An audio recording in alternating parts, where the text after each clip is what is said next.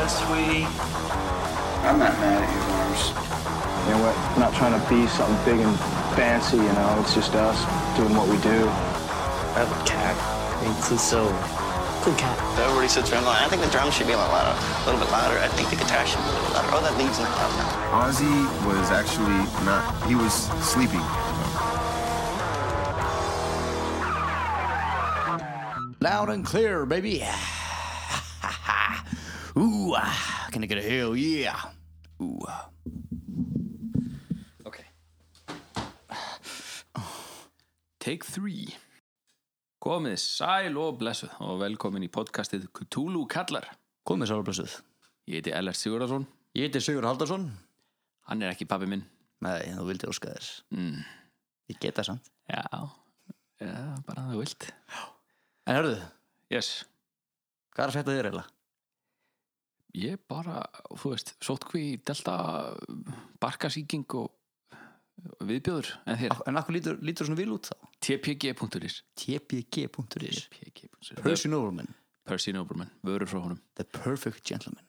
Ef þú ert með hárvöxt fyrir ofan axlir. Já, einhvers staðar á andlitinu. Já. og hausnum bara.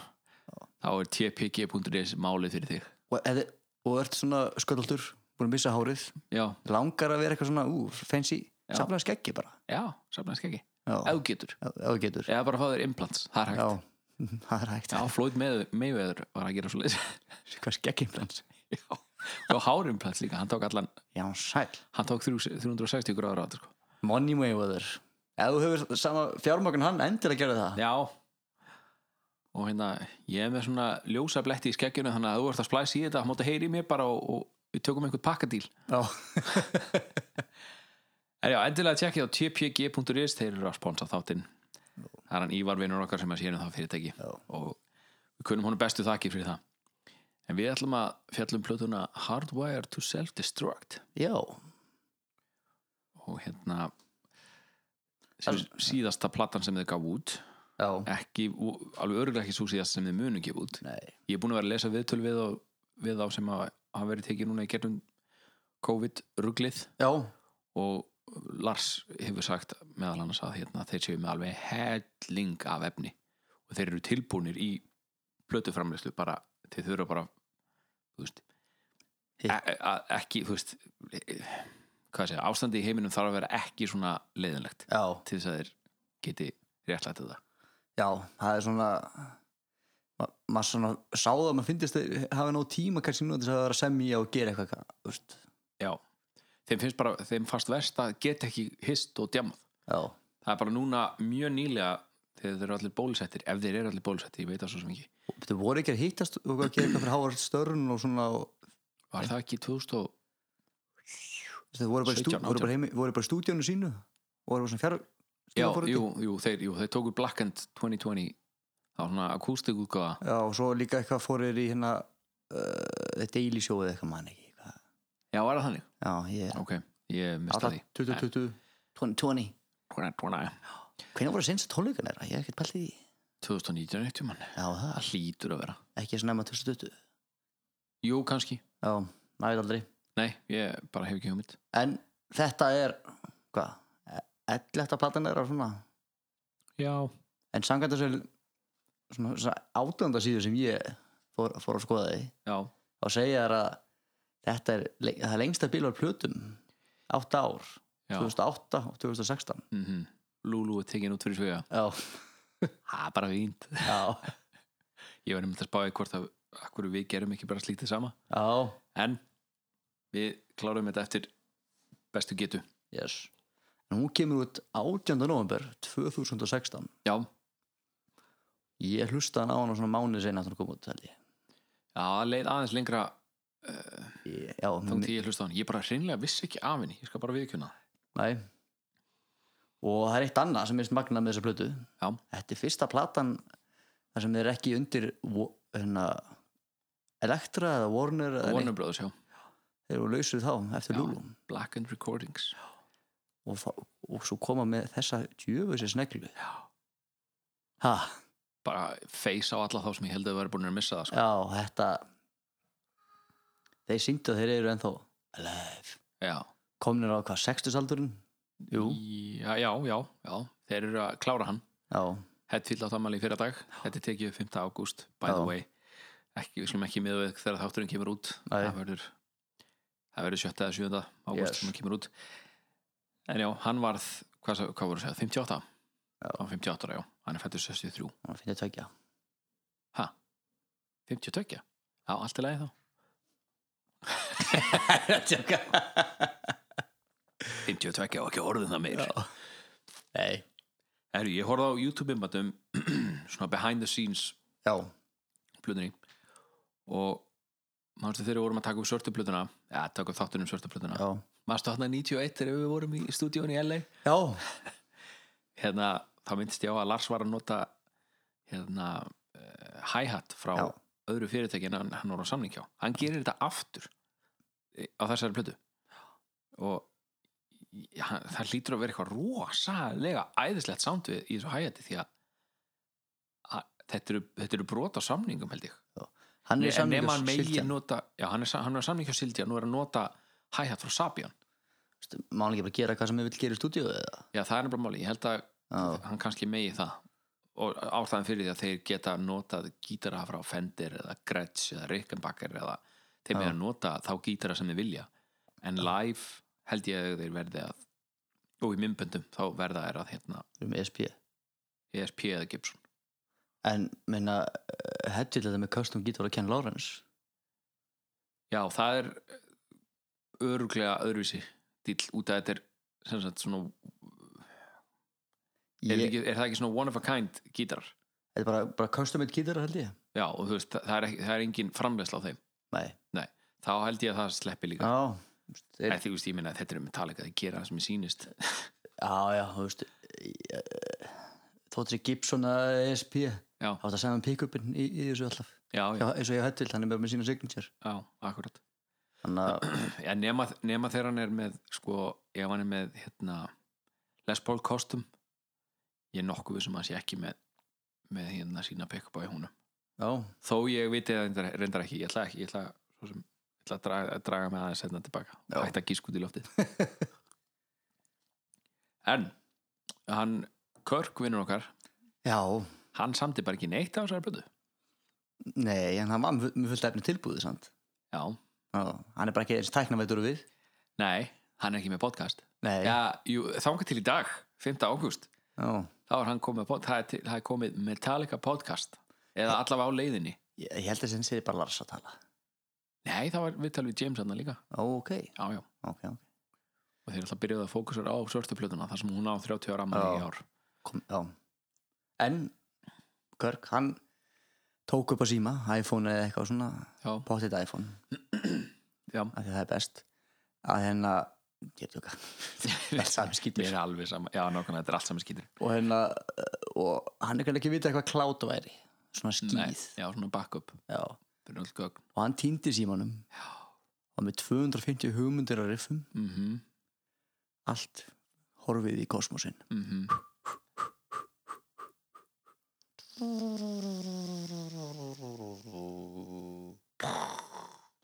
já, Já, og þess vegna er hann ekki með neitt. Þetta er allt bara Ulrik og Hetfield já, nema Trujillo er með eitthvað eitt lag. Já, I'm the man and kind já, Þetta heyrist að það byrjar á svona, svona hálfgerðu bassarifi Trommunar, allt og hávarar. Já það er bara eins og gerist með Metallica. Já, já, það er bara þannig. Maður bara vanur í Mitt band, ég er hæstur segir Lars. Já, þetta er bandið hans. Já, komið því aðeins eftir. Já.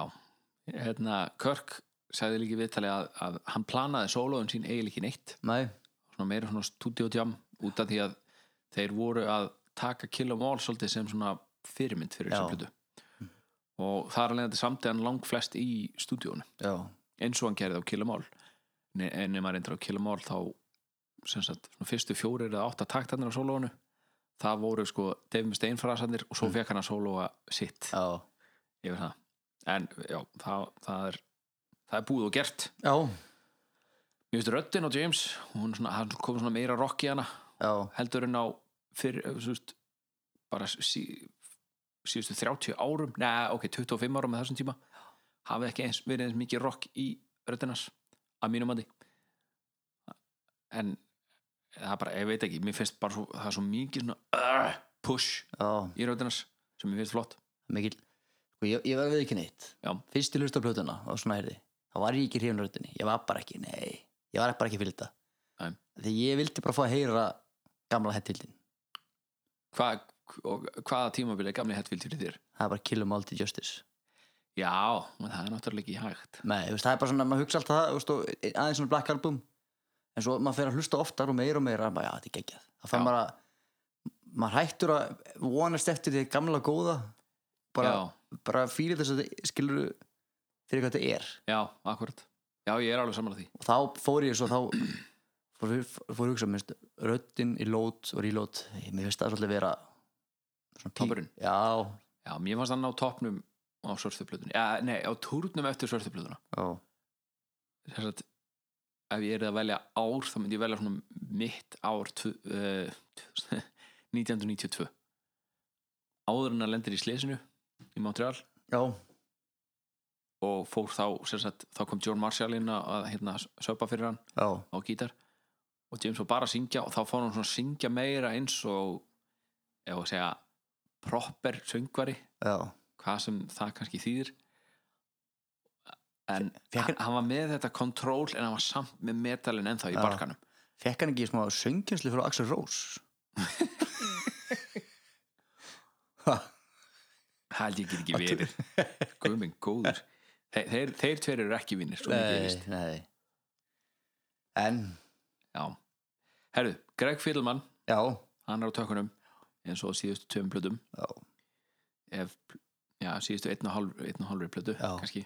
Já, segja það bara. Death Magnetic og Lulu mm og uh, plötucoverið það er svona mashup af öllum andlitunum þeirra. Já, maður svona sér eiginlega ekki hvar einn byrjar og, og hinn tekur við. Eða, þú veist, maður sér, já, þetta er munnsvipurinn að lasa þetta er, þetta er háræðans og túrin sem kemur að aftur þetta er svona, svolítið þetta þessi, þetta koncept. Á, á tónlingum svona er svona þetta á reyfingu svona og, já, geðveikt. og hérna og svo er þetta gamla, gamla Metallica hérna logoðu bara. Já, nákvæmlega eins og, búin, að digitala, digitalæsa það svolítið svona gera svolítið hvað kött ég já, þannig að þetta er þetta er blóða bara góð ég hlusta ekki strax á plötuna finnum mánu sinna já, ég svolítið ég held langt á það. eftir því. Ég held að það hafi verið að komið alveg 2017 þegar ég heyrði þetta fyrst. Já. og það er mitt komið rosalega óvart hvaða lögjum voru góð. Já. Ég man ég heyrði into a Flame það er fyrst að ég heyrði þetta plötunni. Mm ég segi bara hvað mér fannst það um eftir. Ok, en Into the Black bókin já, hún endar 2014 Já. og það var höfundur að nefna í lokbókar að hvernig hún fannst uh, hvað hann að pæli hvort þið ættu eitthvað eftir í tankinum?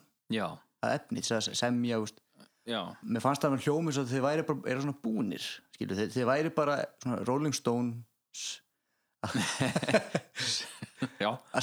Og ACDC í ykkur svona að Bara- spila bara gamalt efni. spila bara nostalgíuna.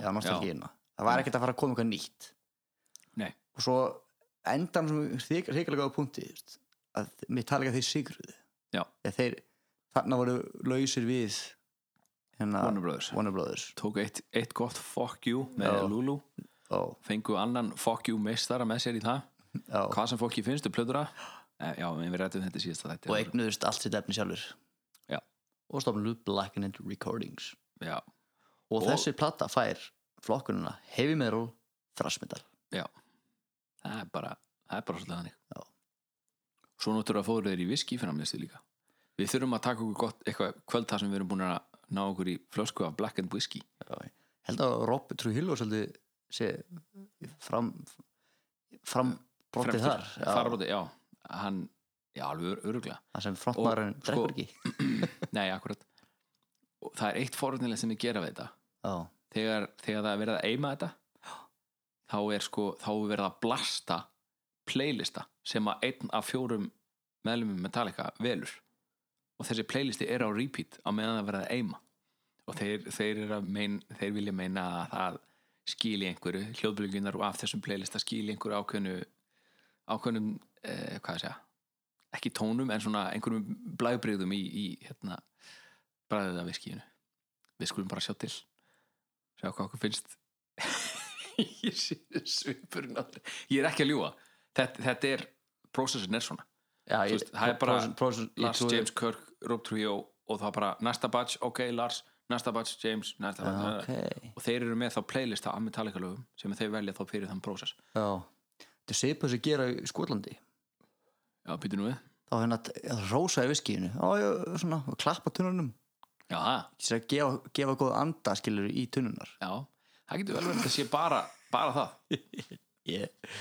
er þetta bulla? já, já, þetta er ok. að bulla maður þetta, er bara, þetta, þetta hefur engin áhrif vel Nei, öruglega ekki, öruglega ekki En ég, ég er bara svo ánægð með það þeir, þeir eru ekki bara með lagerbjór þeir eru líka með whisky sko. Enter Night er náttúrulega já, lagerbjórum frá þeim Minn minnur hérna Stone Brewing það er svo, ma sé að bruggan fyrir það er svo margir með áfengi í dag það Já, mótur, Iron Maiden mótur hættu var með hérna rautt, rauðvín og hérna Var Mótorhead með rauðvín? já, What? hardcore. Er það samt? já, Var hann ekki með þér? hann bara Jack and Coke. Já, nákvæmlega. Já, en rauðvín er líka hann bara er sko, allt held ég. En svo Já. Dwayne The Rock Johnson kom með tequila. Michael Jordan líka. Já, uh, Þú sér það í heimildamyndunum hann Mm. Hann er alltaf með einhvern gulan vökva í glasi. Já. Þetta er tequilaðið hans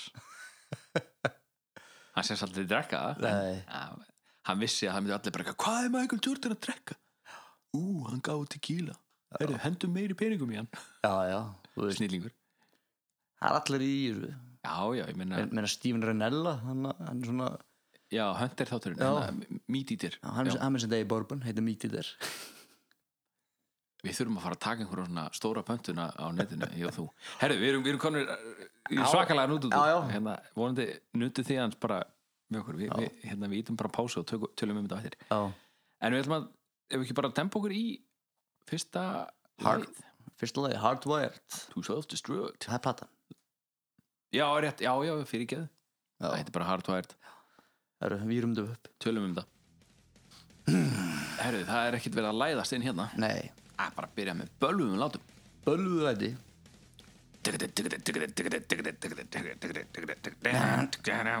Gæðvegt En reyma Herðu, þetta var senasta lagi sem tekið upp fyrir plötuna. Já, og bara tekið upp á einni viku. Frá, frá nulli sko. Samið og tekið upp. Já, og þetta er hérna fyrsta smáskifan sem kemur, á, kem, kom út 18. ágúst 2016 Já, því herrans ári. Einmitt. Sem er svona sem er svolítið skemmtilegt upp á textan að gera sem er myndarleg að við sem uh, forrötu þegar Já, svona, hvað, hvað maður segir svona ha, já bara, jú, jú, forritið Já. Það er Alveg gott orð og hvað annað. Til að vera þetta, er í self-destruct Já, self-destruct já. Að því að það var svo mikið gangi á sári 2016 og með fórsetakostningar Já, Hillary Clinton og Trump, Einmitt, einmitt. Brexit. Já, já, Valdarón í Tyrklandi. Já, já rússar að meika í Sýrlandi. Já, mega, já. Já. Já, já, það er þetta orðað þannig. Rodrigo Duterte Duterte var, Duterte. var gert vitlis í Filipsögum Já, ekki með Valdarón Nei, það var ekki valdur hann var kosin eða þú veist, Já. kosin og ekki kosin maður er náttúrulega bara stór glæbón sko. Já, Norður Kóri var að flexa kjarnagóðanum sínum. Já, og svo voru Úkræn og bullandi hérna borgarstildi Úkræn krím, er ekki krímskæðin hann að það var 2014 var það 2014 Þetta kom inn meir inn í Donbass og svona meginlandið. Já, ok, á austur, austur hluta Úkrænu og we are so fucked shit out, out of luck. Hardwired to self-destruct. Já. Það er svolítið þannig. Nema þegar geimverðurna koma og stoppa hei, kemlarsprengum stóka, hvað er að gera maður? já, það er allt maður að gerast. Það er oft búið að gerast dan, dan, dan. ég var að horfa á þau phenomenon í ger já, góð mynd. Ekkert smá. Zimbabwe, já, skólinn hann eða skólinn. Rhodesia. Já, það er náttúrulega hétt Rhodesia þá. Já. Nei, hvernig er þetta ekki 80 og eitthvað? Jú, já, ég endur að ekki fengið það, var, það var Zimbabwe 1980 Hitt 79 var Zimbabwe Rhodesia Zimbabwe já, ok, svo komst Mugabe til valda og var það Zimbabwe. Þögsi Margaret Thatcher. Já, gerlingin já, herru, en aftur á læginu demoið hitt Rift Charge. Rift Charge. Já, líklega út af því hversu hratt það er. Já. Og það er með það var flutt fyrst live fyrst skipti 20. ágúst 2016 það er bara tveimur dögum eftir að kemur út. Geggjað. Mhm og með 103, rúmlega 103 miljónir hlustana á Spotify, spílanu á Spotify og ég finnst að bara, þetta er ógeðslega góð byrjun líklega besta byrjun á plötu síðan fjúl já svo líka hérna miðjupartinslægi Það er að minna undan sólónu Já Já, rosa justice-legur minnst þess að killu mállegur Aha, já, vá, ok. Það er bara geðveikt, þeir eru náttúrulega með Kill 'Em All Þú, hef- þú ert á að skilja það miklu betur en ég. Þeir veist tóku að- Kill 'Em All sem minnst að fyrir vera, veistu, vera svo ég veit ekki, ég fekk bara, fekk bara killu mál feeling sko. Já, að þetta var svona já. Það er svona, bara- eh, bara, bara mín feeling. Geðveikt. En þeir eru voru að taka þetta upp þá hérna Hookið í lænu, þú veist Hardwire to self-destruct. Þa, Það var fyrst sko Hardwire to self-destruct. Já, sem betur hefur var því breytt. Það var mjög skemmtilegt. Og vídjóið, viðalag Já. rosa svipað og Sandman það er svona blikkandi ljós þú veist, ljósin koma svona inn og út á svona, þú veist í svona eina millisekundu, eh, ekki eina millisekundu kannski, þú veist, eitt fjórðu sekundu kemur svona ljós on-off. Þannig að þú sér bara svona högtandi hvernig þeir eru að reyfa sig og þetta er bara þeir að djamma, þú veist, bara þeir að rokka inn í einhver herbyggi já er, er þetta svona, mannstu þegar maður var ungur og svona ljósa skemmtistum sem blíkar svona, og sá svona já, maður sá bara svona hendilega já, það er ofta, ofta grunnskólaböllum var þetta. Já þetta er eins og þegar þú tekur svona post-it með það og gerir svona teiknimynd Já. aukskrifur á alla miðana og getur svona brrr, flett í gegn. Ég ekki sé svona ljós lengi. Var átt að ég, Já, ég man, ég, ég að þegar ég var í grunnskóla þá, í gamla daga. Þá, þá var þetta aðstöði sko. svo maður alltaf að gera svo svakar reyfingar sem hendunum Já, til þess að, já, til þess að líta sem hvað segja, astnalegast út. Já, en James segir að frasin hardwired to self-destruct Já, það kom hann fyrir félag sinum það var byllandi fíkil ah Ég er nefnilega að heyra þann tala um þetta í myndbatinu en, en hann gefur ekki það samhengi. Eða Nei. hann, þú veist, hann segir hann hafi heyrt frasan en hann segir ekki hvaðan Nei. Já, ok, skemmtilegt. En þetta er bara góð byr- byrjun. Já, þetta er æðislega byrjun. Og hérna, en eitt annað með þess að we're so fucked. Mhm. shit out of luck. Mhm. Þetta er náttúrulega sem mikið blót fyrir Metallica. Já, we're so fucked. Svona fyrir viðlag Já, það er kannski bara til þess að í undirstrykka hvað þetta, hvað þetta á að vera aggressív plata sem Já. hún er. já. Ég ætla svona, þú veist svona mér steiga vel við hann sko. Já, og ég, ég mitt tók Eins- eftir því þegar Hetfield var í viðtali hjá Rógan já, þá tók ég eftir hvað hann blótaði rosalega lítið með við hvað hann, veist, gerði áður. Hann kannski haga sér í viðtölum. En hann, hann er farin að blóta miklu minna. Já, en ég er hans ánað með það að hann, hann, hérna, tekur ekki alveg fyrir það hann er ekki alveg veist, hættur að blóta. Nei, nei. Skilur, þetta er ekki svona bara, já, Guð vill ekki að ég blóti hann er ekki farað þangað sko. Nei, nei, nei, bara betur svona, menn bara þroskast, maður finnir það sjálfur sér sko, Já. Að- maður blóta minna maður gerði sko, já, já, en við þurfum að fara í kralltingar, nei, ja, afröðnir, aflraunir, já. Skulum við gera það, á, litin aftastinni, það er lag nummið tvö. Atlas Rise, hörðbyrjun, Hörbyrjun, við byrjum aftur, aðeins læra tempó kannski, já, í þessu lagi, þetta er rosa catchy viðlag, mhm. Bara strax bara annað geggjað lag, já, það er bara, halló, halló, sólum tvö, já þrjú er- eiginlega. Já, og ah, ég veit ekki hvað að segja, minnst þetta bara ríkala gott lag. Já, þetta er mjög gott lag. Og þetta er, hérna, veistu, hvað demóði hétt Hvað? það hétt N2 og BHMATM sem mér finnst mjög líklegt að þýði New Wave of British Heavy Metal at the Moment. Ég veit, ég veit ekki fyrir víst en ég er rosalega viss um það. Þetta er svolítið gamalt fílingur í þessu lagi já, sko. já, alveg. 100% en þetta er þriðja smáskjáðan á plötunni. Moth kom út á undan Atlas. Hún kemur út 31. oktober 2016 og með rúmlega 59 miljón spilanir á Spotify. En veistu hvað, í heiminum þetta lag var frumflutt? Colombia. Colombia. Í heimabænum hans Pablo Bogota. Pablo? Nei, hann er frá Medellín. Oh Pablo. my god Já, hann er frá Medellín. Medellín þetta. Bogota þetta höfubókin Já, já. Yruglast hana. Ha. Medellín. Medellín. Medellín. kartel já. Ha. Puta madre. Þetta maður Herru, já, byrjunin. Þetta er dagirríf Já Þetta er. Já. En það er bara ekki að því minna Þeir, þeir get ekki stólið fyrir sig sjálfum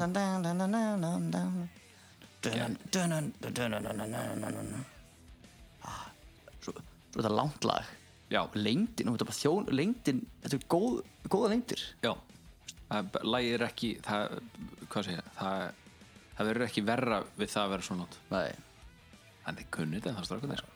þú nefndir henni í fyrra sólóðun hann Já, hérna, þegar það skiptir um tóntegund og Körk kemur með hérna frasa sem að hljómar einhvern veginn svona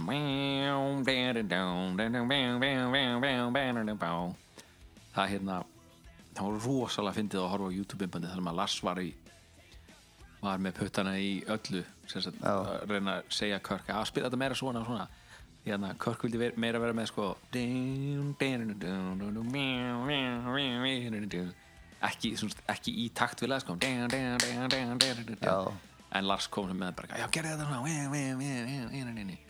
Þú þarfst að vera sérstök típa eða þú ætlar að vinna með hann Lars Ulrik hann er rosa stjórnsamur sem er skemmt heldur hvernig í þá pæling sem það James samti textan já, því að hann við skoðum ekki Atlas, þetta er, eitthvað, þetta er ekki beint guð. Nei, þetta er svona uh, þetta er eins og, þú veist, ásatnir og jötnarnir Já. það voru guðirnir og svo títanarnir hann Í- í var ekki þessi sem hann held alltaf hann, hann held upp í heiminum Jú, það var hans refsing fyrir að hafa tekið þátt í Já. War of the Titans. Hann þurfti að halda upp í heiminum. Þess vegna er þetta svona þessi grein í afbrunum sem akkurat. þetta- eins og þetta lifta hettunum já, reyndar þessi klassiska mynd af Atlas þá er hann með hann á bakinu sko. Já, en já, jú, jú, menn var að taka hann upp bara framann akkurat. Það var nú an- ansi asnælega þrjóti ef með þurft að lifta hann harta bak þeir var nú örgulega svona Já. já, 100 kílóin léttari allir. Ha- hal- haltu svo lengur, haltu svo lengur. Þetta er svo lægt á baki fólki, það var asnælega en það var hann, já, og hann að tala um að hérna hann talaði um viðtalina hettild við Rolling Stone í Ástralíu. Um, um hvernig hún sem fannst eins og Lars hefði alltaf hörður sinni já, sem hann fílar. Hann, hans, skilur hann, hann vill stjórna. En, he, vill fara í öll við en hann hefur stjórnuna en hann hefur svona ímyndaða stjórn.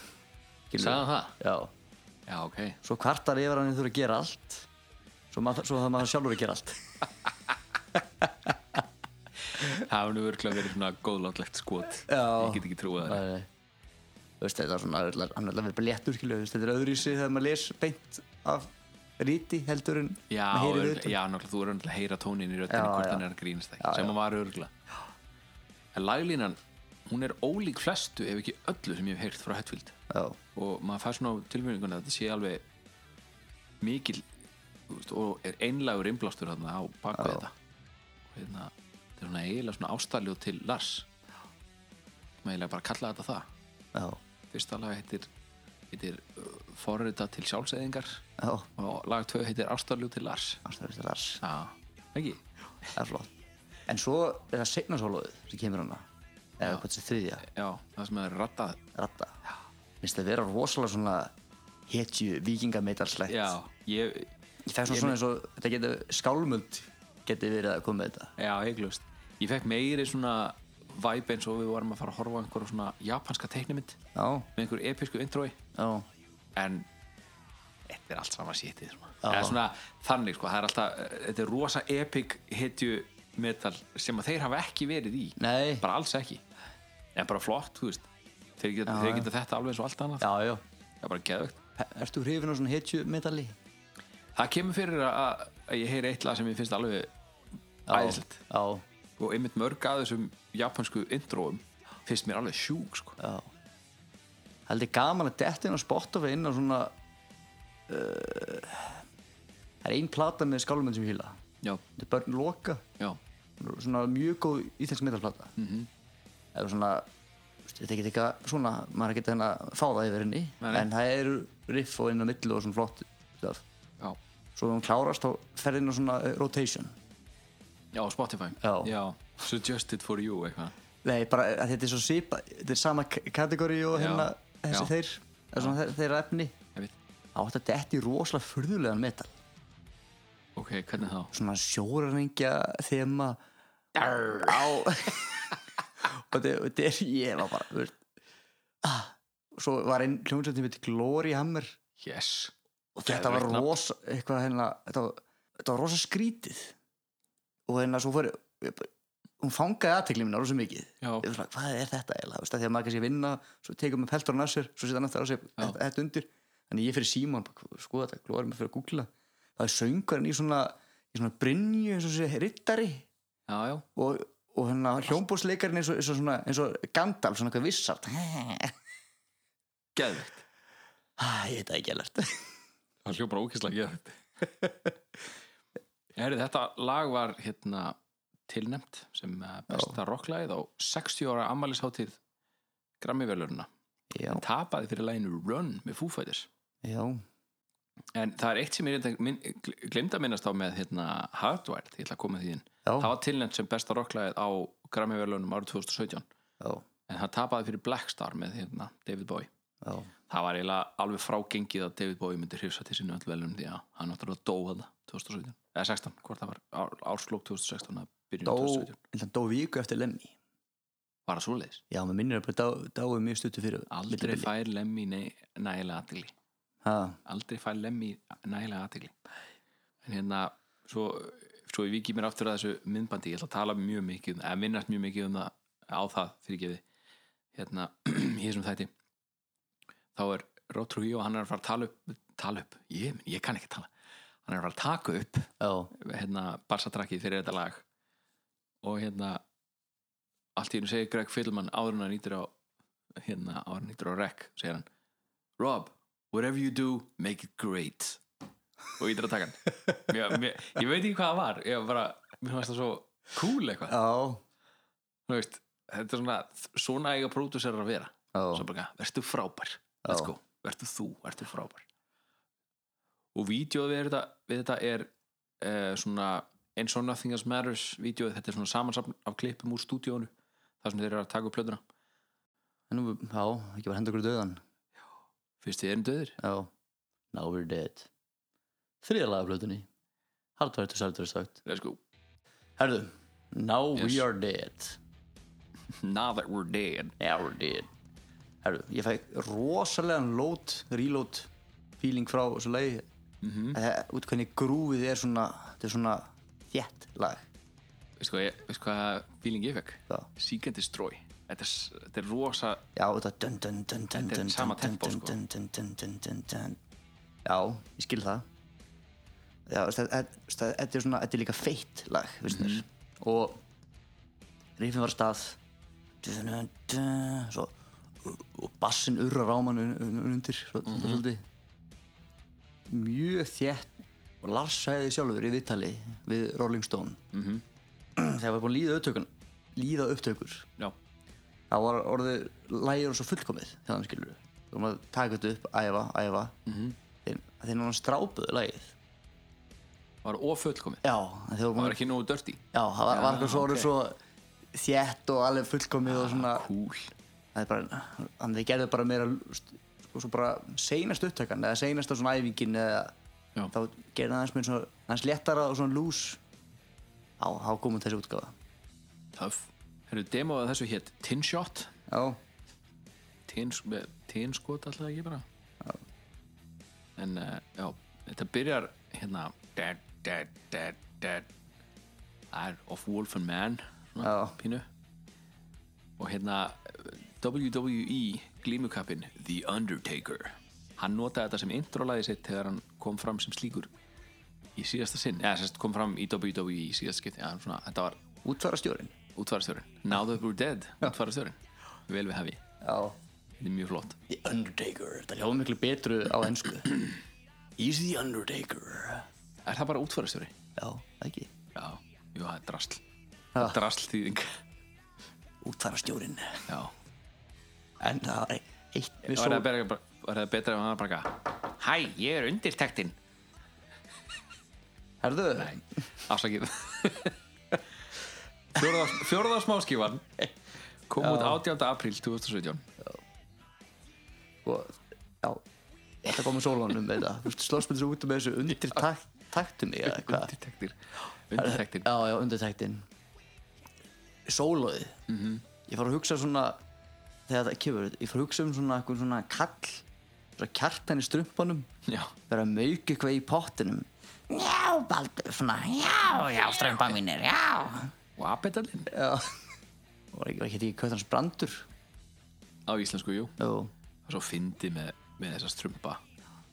Á Ísland eða þú veist, hann heitir á ég veit svo ekki, er ekki str- strumpanir franskt fyrir bara eða, eða svissnest eða eitthvað belgist jafnvel, alltaf frönskum mælandi. Já, ég veit að tinni er belgiskur en hvort að, allavega ég held þessi frönskum mælandi upprunna og, og hérna galdrakallin Vondi hann heitir eh, ýmsar útgáfur af Gargamel já, á öllum tungumálum. Já. dönsku, sæn, sænsku, þýsku frönsku, spænsku. En ef íslensku, kjartan. Já.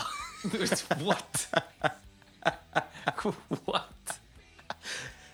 Var ekki hægt að kalla hann gargamelur eða eitthvað, já, já, kjartan. Hvað er gangi? En sa, sa, va, bí, það kom bíómyndana strumpamyndir já, var ekki Neil Patrick Harris jú, hún og hvað og það var, var ekki Ég sá hann aldrei. nei, var hann kallað gargamilur þar eða? Hann var kallað kjartan. Hann var ekki ekki gott að segja, ég sá hann aldrei hvort sem hann var á íslensku kannski voru meiri reglur um það sko eins og ég vissi að Latti mátti ekki tala um alla í bíómyndinni eins og gerði í teikningmyndunum drastl, já, ég vil ekki heyra strumpan eða þetta er ekki allt saman landi sko. Hvað fe- strumpa, strumpuna. Já, það búið strumpa strumpu! Já, allan hafi þá ekki tekið kraftastrump eða æstastrump Hann hlýtur að hafa gert annarkvort aðeins strump held ég. Já, líklega, kannski mest, mest að lítirinn já, strumpamyndir já, En hann var bókstaflega allir, hann var brandur líka.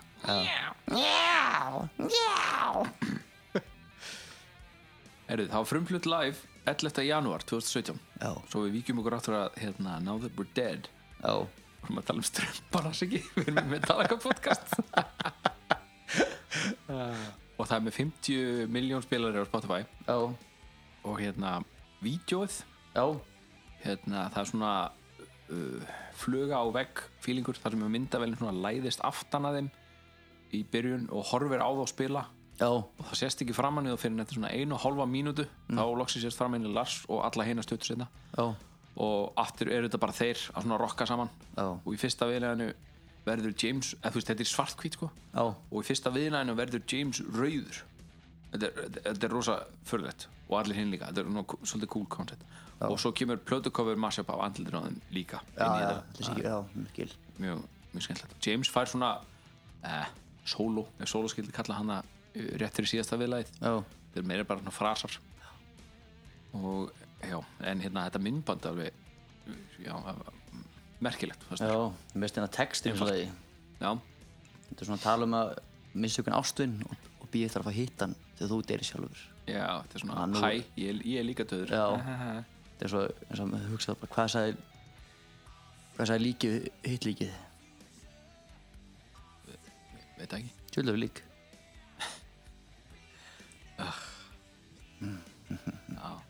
Mér finnst gaman að segja að ég, ég stali sem brandar einhver staðar frá, ég mann svo sem ekki hvaðan. En ef að, þú veist, það er einhver sískinni eða eitthvað sem ég er að kynnast já, það er bara, já, þetta er bróður minn eða, já, þetta er sýsti mín. Þá segir, já, wow, djúvill er þið lík. Sérstaklega þú, og bendir svo annarkvort þeirra alltaf gaman að sjá hvað fólk verður svona ha, sérstaklega, ha, ha kom hérna, já. Eða ekki bara fara beint í eldin já. Sko vera mölflugur í eldinum. Moth in the flame fjarkin, fræ fjarkinn frá í muffin down, down, down, down. Down, down, down, down. Bó, bó lagið byrja eins og eitthvað statement. Mhm. og þetta er lang besti fjarkinn í langa tíma. Já, alveg sko er Fyrsta- síðan, síðan að já, fyrsta lagi sem heyrði þessa flutu að poppa upp myndband held ég. Já, af svo ég man ég hef heyrt sá Lord of Summer hafði komið hana út já, þeir söndu það eftir að platan kom út. Já. eða svona eftir, eftir að platan fór í post-production og hérna fór í prentun og svo leiðis og ég man ég sá titilin ég ég sá titilin svo lagi ég hugsaði með mér, nei. Ég svona kveiktaði svona bang, ég hafði enga vænt ég, veist, ég var bara með bara, ah, svona, þú helst að þetta er bara eitthvað drasl. Já ég, ég hlusta ekki svona lagið. Ég var bara, því ég var bara á þeim stað en þá að Unjustice Black album var svona seinasta Seinasta góða plata, já, já, já. var svona var, veist, ég var ekki búin að vera mikið í Metallica. En svo komuð þáttur hjá honum Ho Rogan. Josef Rogan. Joe Rogan. Það sem að hlusta mikið á hann þegar maður var að keira við einmitt hann James Hetfield. Já, eftir þann þátt þá hérna þá hlusta Hetfield tala um hvað hann er ennþá alltaf að leita af þessu, þessu fullkomna riffi fullkomna lagi, hvernig þetta gera það betra. Betra Ég, maður, svo, þá, þá sá maður hvað sem ástriðan hefði ennþá fyrir að gera, vera í þessu já, hann er ekki bara að mæti í vinnun og stimpla Nei, sinn og það býða átt á klukktíma sko. Já, var massa, þá ok og Rógan tala um þetta var góð plata og Mhm. all, allir, veist, svo fórum við að lesa um hana það var góð já ok, og mann. Daginn eftir mæti ykkur fjögur nóttu vinnuna skellum að Selfoss fyrir og Spotify. hann var að keira vörubíl og geggjaði að græði bílum bara fyrsta lagi og hlusta á þetta plötuna þetta var geggjað. Mhm. þá svona, já, ok þá tókstu þú þessi átt aftur eða? Já, heldur betur maður. Heldur Skilji. betur.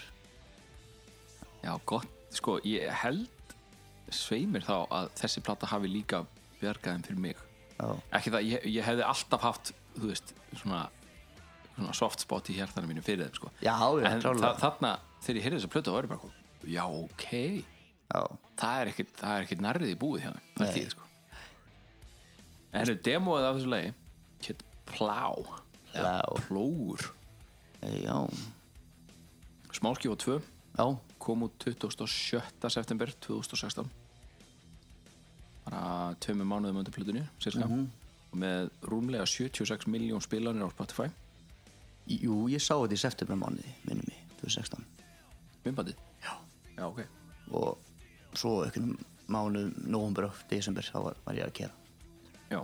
Já, ok, sorry. Allir allir góð Já, fyrir ekki.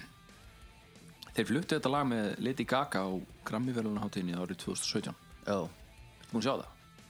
ég er að sjá æfinguna Já, ég, ég nefnilega horfði á hvort það sko, bæði æfinguna og svo live útsendinguna sem kl- klikkaði. En já, hérna hljó, hljóðnuminn hjá James hætti að virka og hann fór bara og sungi í hljóðnum með Lady Gaga sem er svona ákveðið rock bara. Já. flott að syngja saman í mic og, og hérna retro. Já, og hérna James og þau kláruðu, þau kláruðu þetta bara kláruðu þetta dæmið og sagt það var fullt af aðdóðandur sem voru bara vildu fá að heyra, hann var ekkert að fara að stoppa. Nei, en hann var samt augljóslega sko sjóðbullandi vittlös af reyði þar sem hann, hann sparkaði niður hljónumastandinum í miðju lægi þegar, þegar hann kemur í ljós á mækinni bara bilaður þá hérna spilar hann einhvern hljóm og svo bara búm, hendi niður mæknum. Þá er búið að koma með annan mæk Já. sem virkar sem sagt inn á svið. Hann sparkar honum bara líka niður í loglagsins og hann að virka.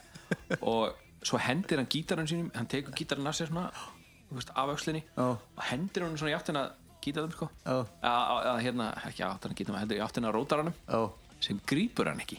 Nei. Og James svona bara hvað er að þér? Veist, ekki nóg með það hérna fyrir framann marga miljónum manns Já, já. var Mike, ég leit út þessu fíl að, þú veist, get ég ímyndað mér að hann hafi hugsað ég leit út þessu fíl, Mike mér virkaði ekki. Og svo kastaði til gítarnum og þú missir hann í jörðina. Hann leika kast honum ekkert fa- varlega frá sér sko. Nei, þetta var svolítið agressív Grýtt honum svolítið, hann bjóst ekki við þessu held ég. Ég held, að hann alltaf bara að taka mót honum. Já, Hann grýtt honum bara en svo á æfingunni þá, þá er allir bara happy og, Já, já, en hérna, hún er ekki eins mikið það er ekki eins mikið pungur í flutninum þar. Sko. Það er aðeins að spara þetta, þessi síðustu 10% Skri- Mér mér finnst mjög skrítið að horfa á þetta. Hún er eitthvað að dansa hann kringum þetta. Já, hún syngur alltaf þetta gerir vel. eitthvað, hún stendur ekki bara kjur Hún, er svona Hún er rosa performer, kellingin Já, hún var mikil aðdáðandi Metal Militia lagsins á Killamál Já, en samt skemmtilegt hugsa um um hérna eh, textasmíðina baka þetta ræð já, um að vera svona einhver móðfluga. Mölfluga. Mölfluga sem fer í ljósið. Það er svona moth into flame, þetta ekki Já. tala um svona hún, bara, hún, hún dregst að hún bara Dregst að ljósi. sé ljósið og bara fyrir áttina því. Svona, Það er- ég veit, ég sem sem tala um að hverju. þetta sé svona lýsandi fyrir samfélagi dag. Svona fólk veit bara fá aðteglina Mhm. fá bara fá bara hérna að vera bara já, ég, ég, ég, ég bara, ég er flottur. Er ég ekki sjálfs hérna, hvað það, samfélagsmiðlar þetta, mm, mm, ég, ég. Hvað fekk ég mörg lags, ó, vá, hvað ég er frábær. Ég er að taka mynda, mynda mér með þessu já. já, mm, og hann fengið hugmyndina textunum að horfa hann Amy Winehouse, Amy Winehouse. Já, einmitt. Sem lett fræðina við, við að sér að falli svolítið.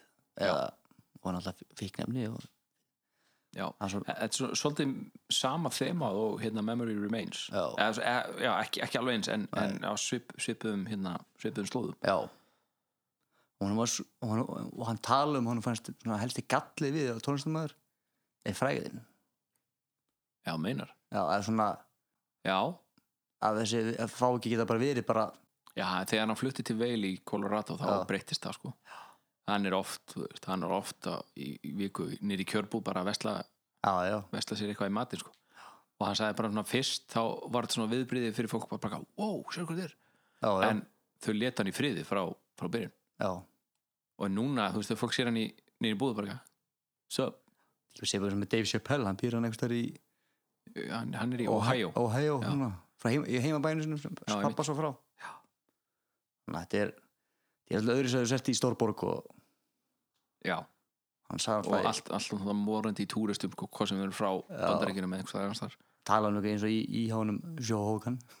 Sjörógan það var spænskur að nú er hann franskur. Já, hvað gerist næst? um hvernig hann þóldi ekki við að búa í San Francisco. Já. er að hérna hvernig orðaði þetta? Hann, hann sagði þau eru rosa mikið svona fagna fjölbreytileikunum. En þú, en þú mátt ekki þú mátt ekki vera en þú verður að vera eins þessast fjölbreyttur eins og þau eru fjölbreytt. Já, þú mátt ekki vera fjölbreyttur út fyrir þeirra hring. Þannig, að- þannig að ef að ég veiði mér í matinn og kem með dátýr á ofan á, eða sérst aftan á pick-upnum mínum já, það er ekki fjölbreytilegi sem að þau fagna. Nei. Það er svo sirkas þetta sagði, já, og tala um bíflugunar og svona. Já, já. Ég, ve, veist að það var uppátt partur minn á þessu viðtali við erum byrjað að tala um bílflugunar en hérna, við erum að tala um mölfluguna já, en hefur erindin, finnst mér hljóma rosa mikið eins og fór horsmenn millikaflin já, Time is taking its toll on you Now to crack your face better Þannig er þetta Blacked out Dun, dun, dun, dun, dun, dun, dun, dun, dun, dun. Infamy Dun, dun, dun, dun, dun, dun, dun. bam, bam, da. Metallica. Nei. Þeir verða skrýtnari útudúrunir eftir því sem áhlýður Já. stættina En uh, vídeoviðtalag Það byrjar það sem að sést svona mölfluga eða moth. Ég er nokkuð vissum að þetta sé mölfluga. Ég, ég fór, svo sem fór ekkit á Google Translate en ég sagði bara þiðvildi já, já, já ég, ég, ég bara stend og fell með því þá, mölfluga. En þess að sé svona mölfluga á, á sjónvarskjá svona túbu sjónvarskjá ekki ósvipað mynd að hérna, þetta er svona feelingur svona eins og Hero of the Day mynd þetta byrjar. Svona, þú veist, litirnir eru svona rosa rosa mikið brúnt og grátt og svona jarðlitir já, og svona, það er svona þunglindis þunglindis vibe sem hún fær frá fattur hvað ég minna já, ég, ég segi þetta mjög vant og hérna og þar heyrist hardwired í útvarpi svona lo-fi Mhm. svona, svona verkamann útvarpi gaman útvarp já, þetta er svona sem maður setur á stól í, mið, í hérna miðju fókeldu húsi og, og blastar með að maður er að, Blasta bylgjunni? Já, til dæmis. Eða X977 akkurat, aftur eru þetta bara strákanir að rocka já, og mér sýnist ja, svona, þeir eru ekki flókið mimmyndir þeirra. Það er bara að takja bara okkur upp og vera að spila þeirna já, saman og... það kemur eitt að eftir sem er mjög flóknara. Okay. en hérna, já, svo sjáum við svona, sjáum við þá í gegnum augu mölflugunar og það eru náttúrulega með einhver skriljón augu þannig að maður sér svona einhverja svona 50-60 svona sexsetningar og sér þá, þú veist Já, allstaðar þar og eitthvað. En, þú veist, ég draf eina flugu í dag þessi, þessi hundrað augu sem við erum með, gerum nú ekki mikið. Og hérna Kirk er með hérna Ouija board ESP gítarinn sinn oh, hann er svo flottur sko. Geðveitt sko baby, baby. Og hérna mölflugunum fjölgar eftir því sem áliðið myndbandi Já, Gekja. og það var í þessu lagi þegar þú voru að taka upp þá fekk Lars að leika sig með WAP-pedalinas Kirk og, sem, og það var greinlega í fyrst skipti því að hann hann, hann gat ekki gert neitt að viti. Nei, hann bara, ó, vá, ó, þjóð er þetta erfitt maður, wow veist, þetta var bara í alvörin eins og ég færi á hjólabretti núna eitthvað, eitthvað sem ég hef aldrei gert ég hef það störgulega að vera skárið á hjólabretti heldur en hann er á wapedal, það var rosalega fyrirlegt já, menn skrítið, þú veist, að því að var ekki draumur hans að skita að spila gítar? Hann ekki? Já, vera rockstjarn allavega, Já, en en ekki draumur lengur. Hann er reytist Dream No More. Lag nummer 5 Dream No More eða The Thing That Should Not Be. Já, en demóið hétt 91 Já, bara tölustandi 91 þetta er frumflutt live 5. mars 2017 já. í Mexiko Eagle Dúlega að fram- framflýka hann hana í Suður Ameríku. Já, greinlega að túrin Já. byrjaði þar. Það Það var ekki Ungverjaland sem fekk allan skamtinn Nei. það er eins sem poppa upp í huga minn Já, þegar lagið byrjaði, Sabatrue já, í, í svona alveg byrjun sko. Já, svo fer fer við yfir í næsta. Já Þá ferði yfir í svona uh, hérna Já, þá, þá, já, þá byrjar þetta svona fyrir alvöru. Já. Og það er greinlega að taka vitna ég aftur í okkar góða vinn H.P. Lovecraft. Akkurat, Cthulhu Awaken. Tulu Awaken. Og hérna Sanity, Sa- Sanity Taken Cthulhu Awaken. Já. Og ekki nóg með það Mér finnst þetta að minna mig svolítið á The Thing That Should Not Be Já, á köflum. Fyndið að sé hérna að það sé byggt á veist, að já, að það sé talað um Cthulhu og að líka úr sérst, greinilega fengið lánað úr Not Be. Veist, mér finnst þetta mjög flott þetta lag hvernig sólóin passa alveg ríkala Mhm. þau er alveg þetta er bara, þú veist að það var ekki- Bob Rock að- hann kannski var með Bob Rock undir með undinu bara láta lagið pa, sólóin passa Use the force, Kirk Use the force Nei, það var ekki Bob Rock, það var einhver annar. Sorry Aren't you the guitar player of the year, Kirk? En mér finnst hérna erindin Já, hann er að syngja þetta í þremur áttundum Já. hann, hann, hann er að syngja hann það eitthvað He's singing down, down, down. svo er hann með og svo já. Og hann er að syngja þetta allt saman í einu. Já, ég heyrði það ekki fyrir en ég hlustaði á það því bara í dag. Ég tók svona upprýðun já, að, að þetta, eru, þetta er alveg þrjár áttundir sem er skemmtilegt. Vídeóð er aðeins öðru já, þar sem eru allir svona kvítklæddir og það er einhvers konar uh, einhvers konar vera sem sést ekki hver er því að hann er uh, hefur séð hérna Scanner Darkly myndina, nei. Scan her darkly? Nei Scanner eins og Scanni, Já, Scanner Darkly minnum með, hann heiti með Keanu Reeves. Hún er svona svona þetta er, þetta er rosalega förlegt því að þessi vera sem kemur þetta inn þetta er greinilega einhver í svona grænum bodysuit. Já, og það er, það er bara svona vídeo í gangi á, á útlínunum útlínunum á Já, líkamanum á þessari veru. Og veist, alls konar umhverfi og líka þú veist, önnur live myndbönd af þeim að spila. Scan her deadly er það þegar Scanner Darkly. Er það þegar við erum í sjóarpinu Nei, þetta er svona, þetta er svona half animated. Það er eins og þessi búið að taka þetta upp og setja svona animated filter á þetta. Scan her darkly? Já, minni mig. Er, ég, er, ég er, er að þetta ekki stillingsmyndið þar sem við erum að koma úr sjóarpinu? Nei, nei, nei, nei, Það svona, er svona í, í mannsformi samt svona eins og rugglað Já, nei, já, ég- já ég, ég veit hvað átt við. Já. Ég man satt ekki nafnað það mitt. En, en já, já, En það, Scanner Darkling er eitthvað svona þú veist, dópista fyrirvændi gangster eitthvað, eitthvað þannig. Það er langt sín sá hana. En já, þetta er svona mjög fyrirlegt myndband og, og mér finnst James ekki vera hans sjálfur í þessu myndbandi en hann svona svolítið úr karakter. Já. svolítið, svolítið clean og eitthvað. En- Svona vintage filmi fílingur á myndbandin líka með svona, það sem að koma svona, þú veist litli, litli punktar á sko, Já, já, já. Og, og litla línur svona stundum. Mér finnst eitt með, með eh, lagið. Já, Svo hérna þegar þið farin hérna, hérna rattaði gítapartin já, svona eins og sé létt á lægin eitthvað kemur svona millipartur eins og sé bara svona aðeins að ge- gefa smá svona, ok, það er hérna svona smá svona Smá break, já. smá, svona ljós, skilur mm -hmm. smá svona að byrtir aðeins og svo aftur inn á þungan verulenga bara kemur rigning og, og það er bara og það er bara sanity taken, Cthulhu awaken. Mm -hmm. ætli, svo kemur You turn to stone. Þar, þar er hérna Rob að syngja með James. Sé ætli þess að tala um það sé ekki Cthulhu awaken. Það sé Trump awaken. Það er, eh, það er árið sem hann vann kostningarnar Hama guðvita, en Já, ég held alveg öruglega ekki því að Nei, þeir, þeir er- láta pólitíkina vera Já, eins mikið ég, ég tekið þetta með af því að ég, ég hafði rosa gaman á Trump.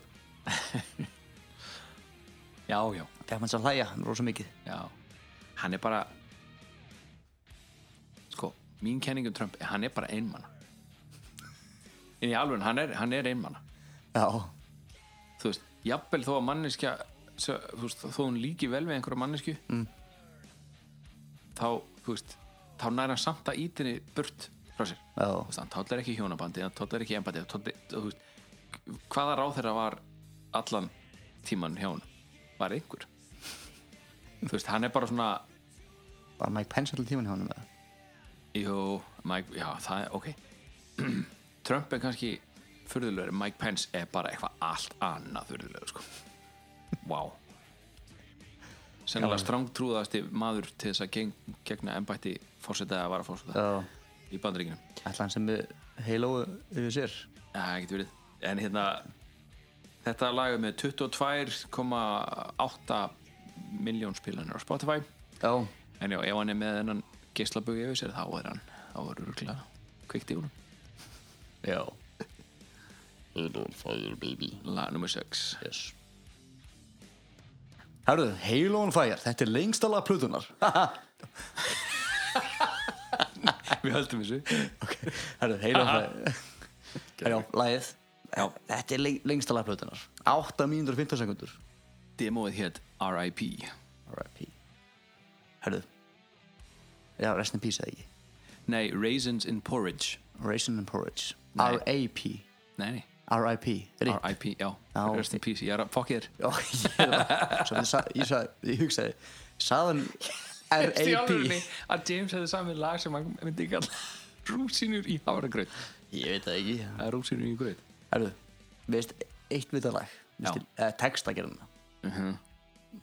góða við þessa plötu að, að til við til við Hetfield hann lísti hvað textan er þýða Já, hann er svolítið spot on hann sko. hann segir við so what að því meiri tilningar sem fólk tilur sig vera því meira fucked up er það. Mhm. og veist, þetta er sem, veist, er svona það er mikið svartur galdur í þeirra lífi held ég. Þú veist, þú veist svona manneskinn svona, hæ, ég er svo hæðisleg ég hjálpa þér, ég, veist, fólk sem auglýsir sínu góðverk svolítið. Akkurat og Þú sem svo allir þessi sjóansprestar Já, og svo bak, við dyrnar eru þau bara, þú veist að með svipunar og, Já, já það er að vera þú veist, og maður bara sjá þetta mikið í dag í, til okkar samfélagi er svona.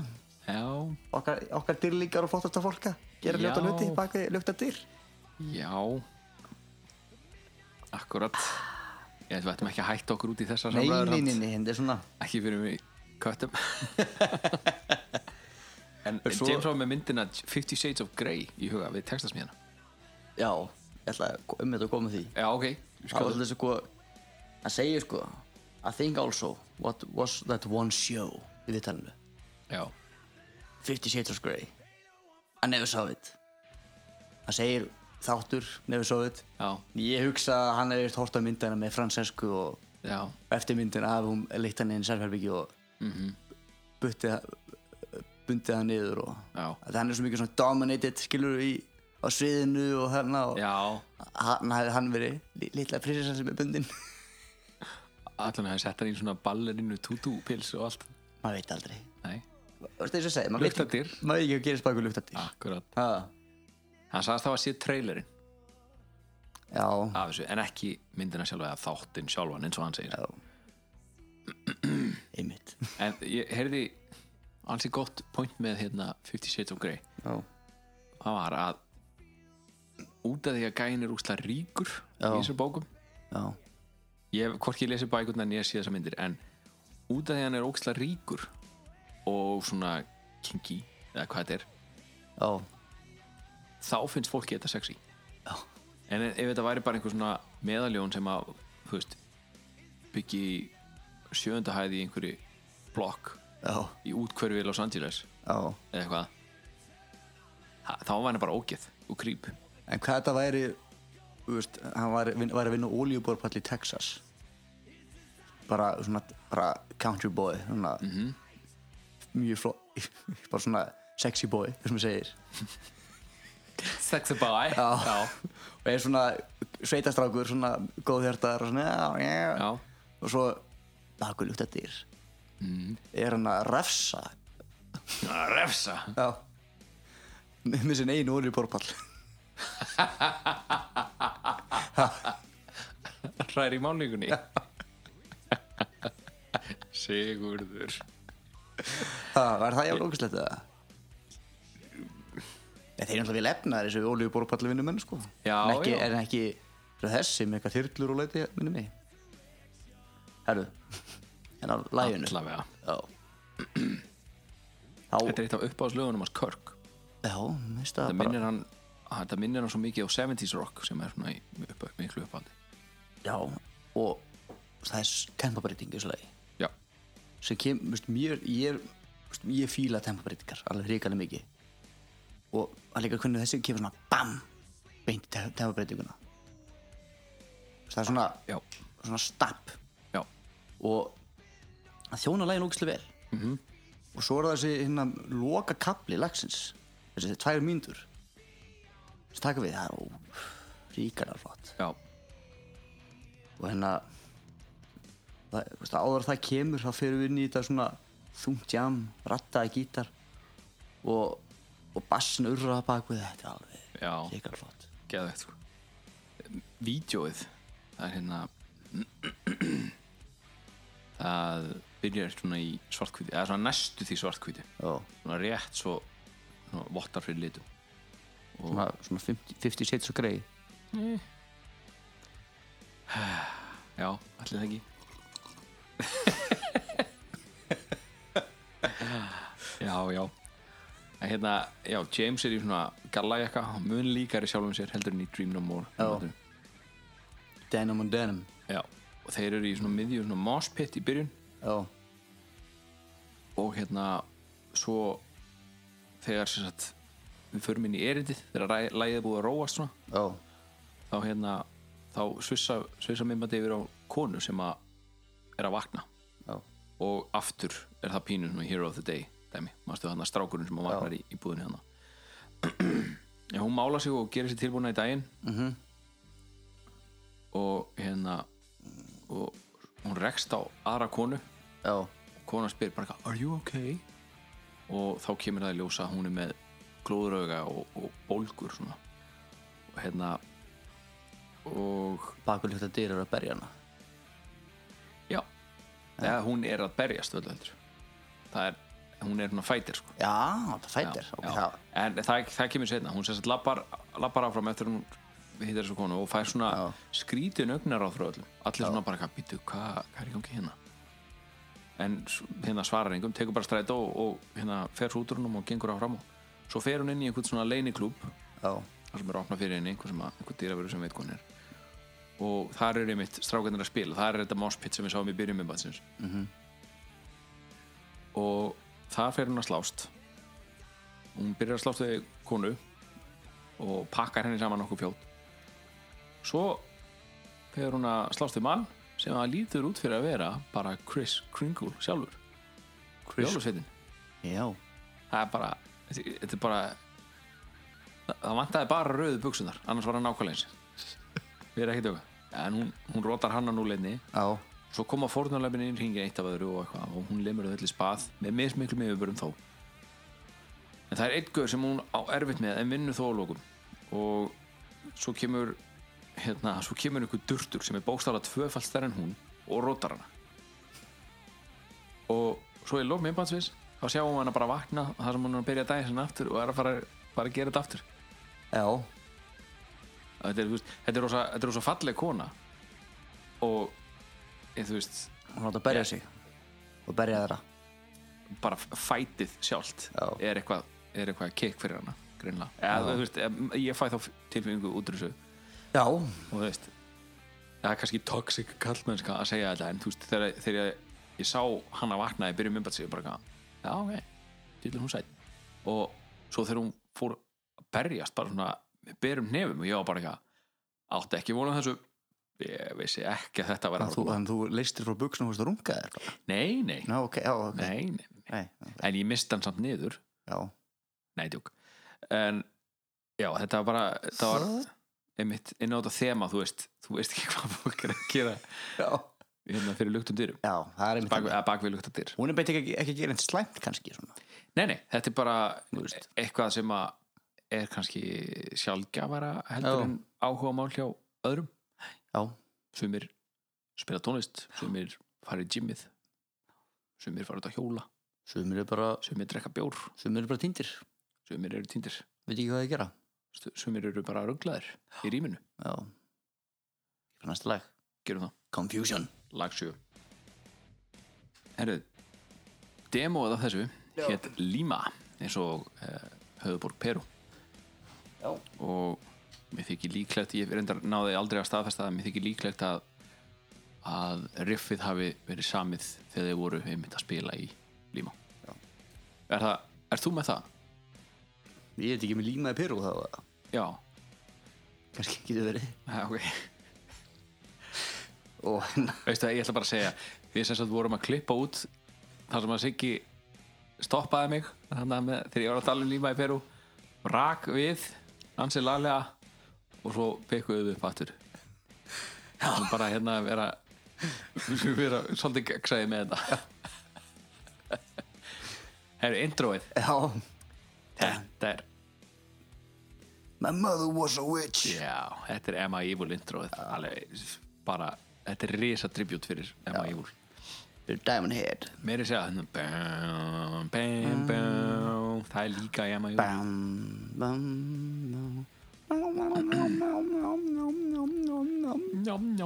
njám Hvað er gömul kona að tekja einhvern brjóðsökur Þetta er frumflutt 18. januar í 2017 í Le Sports Center í Peking í Kína. Beijing, já. Þar sem þeir var bannað að spila hvað, Battery eða ekki? Master Puppets. Master of Puppets. Hérna, Svo fyndið þetta lag fjallar um svona áfallastreitur röskun. Já, já. Og frumflýtt þetta í Kína. Þau veit ekkert að þau eru með áfallastreitur sko. Nei, þeim er ekkit þeim er ekkit gefi, gefnar þær upplýsingar að það sé til. Já. Þetta er fyrsta lagi plötunum sem er svona Na, svona Finnst mér Já, svona þetta gerir ekki mikið Nei, þú veist ekkert- Enda þetta er kampin finnst mér frá, svolítið kúl Já. það er þetta gít, gítarstefið og, og hann segir hérna Hello darkness say goodbye. Já. meðan það er hérna, En hérna svona gítarstefið svo erum það mögum ekki gleyma einu af því að þeim tölum sem þetta lag gerir ekki mikið fyrir okkur. Við erum alltaf einum að fara til skalanum sem kallast Metallica skalinn nákvæmlega sem að við fundum upp. Já, potið Herðu, talandi um, við erum konum með samkefni ha, við erum konum með samkefni, samkefni ég og þú. Nú,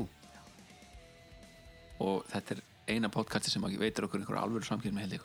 Nú? Metallica sjálfur Þeir tilkynntu það í dag. Það er komið podcast og hérna takla svartaflöðuna Já, er ekki 30 ára ammaliðinnar Jú, jú Ég er með tlaka rosalega til ég sendi hann inn á grúpuna sem við erum í. Já, með Hafdalbræðunum að hérna það er að koma outtakes af year and a half sko. Já. ég get ekki byggð ef, að- ef ég þarf að kaupa þær þá ker ég það sko. já, me meira efni. Meira efni. Fæ ekki nóg, fæ ekki nóg. Já, textin er- eins og þú segir fjallar um, um hérna PTSD mymbandi gera það líka. Já, það er sem sagt kona sem er að hérna byrjar hún inn í hún er að, hún er að taka þátt í einhverjum svona reid í Afganistan líklega Já, já. einhvers þar og hérna, þetta er allavega óvinna bær já, einhvers þar í Eðimörk eða svona landið þar er mjög heitt. Og svo kemur í ljós og hún er að upplifa flashback. Og hún situr bara við tölvu í einhverju skriftóðutjópi og er bara og alveg, þú veist, Hún er bara að segja- og það þegar ég fæ flashback á nam. Akkurat. Það er rosa góð matur á nam. Já, menn ég er bara eitt einu skipti það var hann útrunni hjá mér. Æ, nei, Ég fæ bara alltaf, ég er? Já, ég fæ bara alltaf, ef ég sé mat þá bara fæ ég bara flashback á nam úff, Agalegt, þetta já. Leðilegt, Þetta er bara mín áfællið þeirri sko. já. Það er að panta asíska mat. Herri, já, hún hérna já, hún er alltaf að upplifa flashback og bæði þegar er í vinnunu og kannski heima fyrir. Já. hún er rosa uppstökk eða svona um, þarf ekki mikið til þess að koma úr jafnbæi og, og, og hún fer í svona er svona stjörf og uh, byrjar að upplifa kvíða og Já. svona og lokast af alveg. Já, og hérna bregður oft þegar fólk tala við hann ef hún sér fólk, ef einhverju lappa svona fyrir aftan og bara framhjá henni.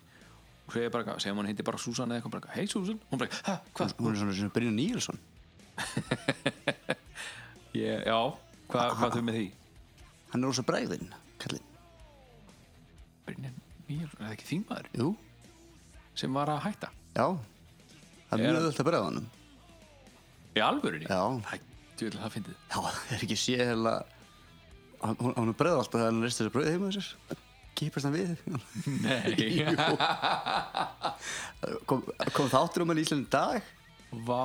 Það er bara, þetta er, er eitthvað sjúkdómur eða eitthvað djúvel hann sko? Vá, ok. Þetta vissi ég ekki. Mér veist, vinnir, það var viðtalið við hann Vítum hann, nýra alþingarshúsi. Kemur ykkur aftan hann svona, kýpist alltaf til. Vá, Hvað heitir hann, þingmæra minnst ykkur hann Augmundur, Augmundur Jónasson? Já, hvort það var, hafa verið hann, hann er viðtal, það er viðtal við Brynjar, eða eitthvað annan það veit ekki, Jú, geður Brynjar. Og hugmyndur lappar á hurðina frá aftan. Svona, og hann keipist alveg við? Já, ok, vá, ég sé hvort það, það, það verið þá en ég man alltaf hugmyndur að lappa á hurð það var mjög vindi það er, já. E, Já, hérna, hún er Svo ég vikið mér aftur á viðbandinu Þá, hérna, hún er upplegað svona rosalega hræðilega flashbacks Og svo, svo dreymir hana að hún sé að slást Sérst, hún sem um, uh, nútíma útgáfuna sjálfur sér sem sagt vinnur á skrifstofu og er bara með íbúð og lifir svona en ekki að slappa venjuðu lífi já, hún fer að slást við sjálfa sig í herrklanaði já, ok. Sagt, hún í herrklanaði er að slást við sjálfa sig í uh, daglegur í og herrútgáfan kirkjan er næstu til döða en svo áður en það gerist þá hætti það að slást og fallast í faðma. Já, svo er myndbætti bara búið. Hann fallaði myndband. Já, í lokin. Já, já, svolítið disturbing en alveg, alveg fram að já, þetta er bara, bara, bara confusion. Já, já, já. En þetta er alveg með 18 miljónir spilana á Já. Spotify. Er, tæplega Já. 18 milljónir, reyndar. Já, sem er svona skilinlegt fyrir þetta lag. Já, eh, þetta ger ekki mikið fyrir Já. en þeir gáð myndbönd við hvert einasta lag. Já, þeir gera alveg svo mikið. Sum myndband eru, eru þeir ekkert í þeim sko. Nei, eins og bara- þessu, það, þeir eru ekkert í þessu. Og ertu mikill mann sem nefnir þetta ádæðandi? já, svona, ég er ekkert, er brjálaður sko, Mm. Veist, ég má alveg missa af ég get mist af tíu leikjum í röðin ég er samt aðdæðandi sko. Kíkja Man United can't. Nei, Man Unkind. Já, já, já. Já. það lag nummer átta ekki? láðum átta. Kíkjum á það maður. Já maður Við byrjum á mjög melodískum bassatónum já, sem Rob samti hugsandi til Cliff Burtons. Já, Mér finnst þetta skrítið af því að þeir hittist aldrei hérna nei Það er eitthvað að vera að hugsa til hans. En náttúrulega Cliff Burton skildi eftir sig fótspor og það er bara Já. það er ómögulegt að feta í þau. Og Mhm. þú veist Cliff var Cliff. Já, og Jason var Jason og Rob er Rob skilur, Mhm. þetta er öðru sig en, þetta myndi mér rosa mikið á Sabbath. Já, svona sem þeir hafa gert eins og með þeir eru með þessa parta inn á plötunum sko, svona melodiska svona já, og já, akkurat. Þetta er einmitt eina lagið sem að einhver annar en bara Lars og James sem ég já, Trujillo samtidig í byrjun eða ekki? Jú. og hann, hann talaði um að það væri svona sitt tribut til hérna Cliff. Clef Barton Cliff Barton demóið hétt MTO ég veit ekki hvað það stóð hvað það stóð fyrir Metal to O. Já, já öruglega já, já. en lægið já, mér finnst þetta mjög lótlægt lag en enn aftur. Já, já, alltaf heyri eitthvað svona grúfað metallikulög bam, bam, bam, bam, bam, bam, svona. Hugsa alltaf lót. Já. Kemur rosa ég, ég fæ, ég fæ mitt í þessu Já. mér finnst það rosa sabbaðlegt þetta er bara svo hratt ef Mhm. þetta ætti að vera sabbað já, ég fekk rosa sabbað feeling út af þeir eru rosa Mhm. mikið í að þú veist, ekki, vera, ekki að spila þeir tóku ofta swingu þetta sko. Eða þú veist, hva, hvað rifst það var sko. já þetta er svona eins og til dæmis Fade to Black rip-offið þarna eða sem að þeir Metallica það er svingað ekki en já, en þetta er svo confusion, þetta er svona þetta er annað bara svona með með lag og en ekki slemt nei, nei, það er bara, við erum að vinna með Metallica skalan já, þessi plata er rosalega framþung. Já, byrjar ógeðslega vel. þetta er Black Album svona. Já, þú veist, lag 1, 2 og 4 eru bara bestu þrjú lögin á plötunni. Herðu, Dream No More og Halo on Fire sko. já, en þau, þau eru náttúrulega ekki betri en hérna Hardwire, Moth og Atlas. Halo on Fire er ógislega gott. Já, en ekki eins gott. Það er bara þín skoðun. Já. Ég stendu hana. Já, má, má ekki gera það. En já, textin fjallar um að okkur var gefin Edengarðurinn en við erum svo gráðu og viljum alltaf meira. Já, við vinnum bara meira. Við brennum allt í kringum okkur við viljum meira. Já, mm, það er bara hannig það er bara, við gerum við, við man unkind við erum að, við erum svo gráðu við skemmum allt í kringum okkur. Já við erum ekki mankind, við náttúrunni- erum men unkind já, við erum að rústa náttúrunni fyrir þetta og, Já. og veist, Þetta, þetta lag er með hérna næst fæstu spilarennar á, á þessari plötu en reynd, reyndar svona bassin í svona lagi heldur skemmtilegur. Það er svona, maður finnur fyrir honum. Já, Hann en gítlar- það er hann- hann með co-write sko. hann gíklar á manni heldur vel allir allir við spilum með nögl Já, hann gerði það nefnilega á einhverjum lögum og ég tók eftir því sérstaklega með þessu. Fyndið að sig tribut til Cliff og að spila með nögl en já, það er ef að lagið þarnast þess að þú spilir með nögl þá spilar bara með nögl. Já, og þetta er frumflutt live 10. september 2017 í Paris. Paris. Í uh, Fraklandi einmitt. Oui. oui, oui.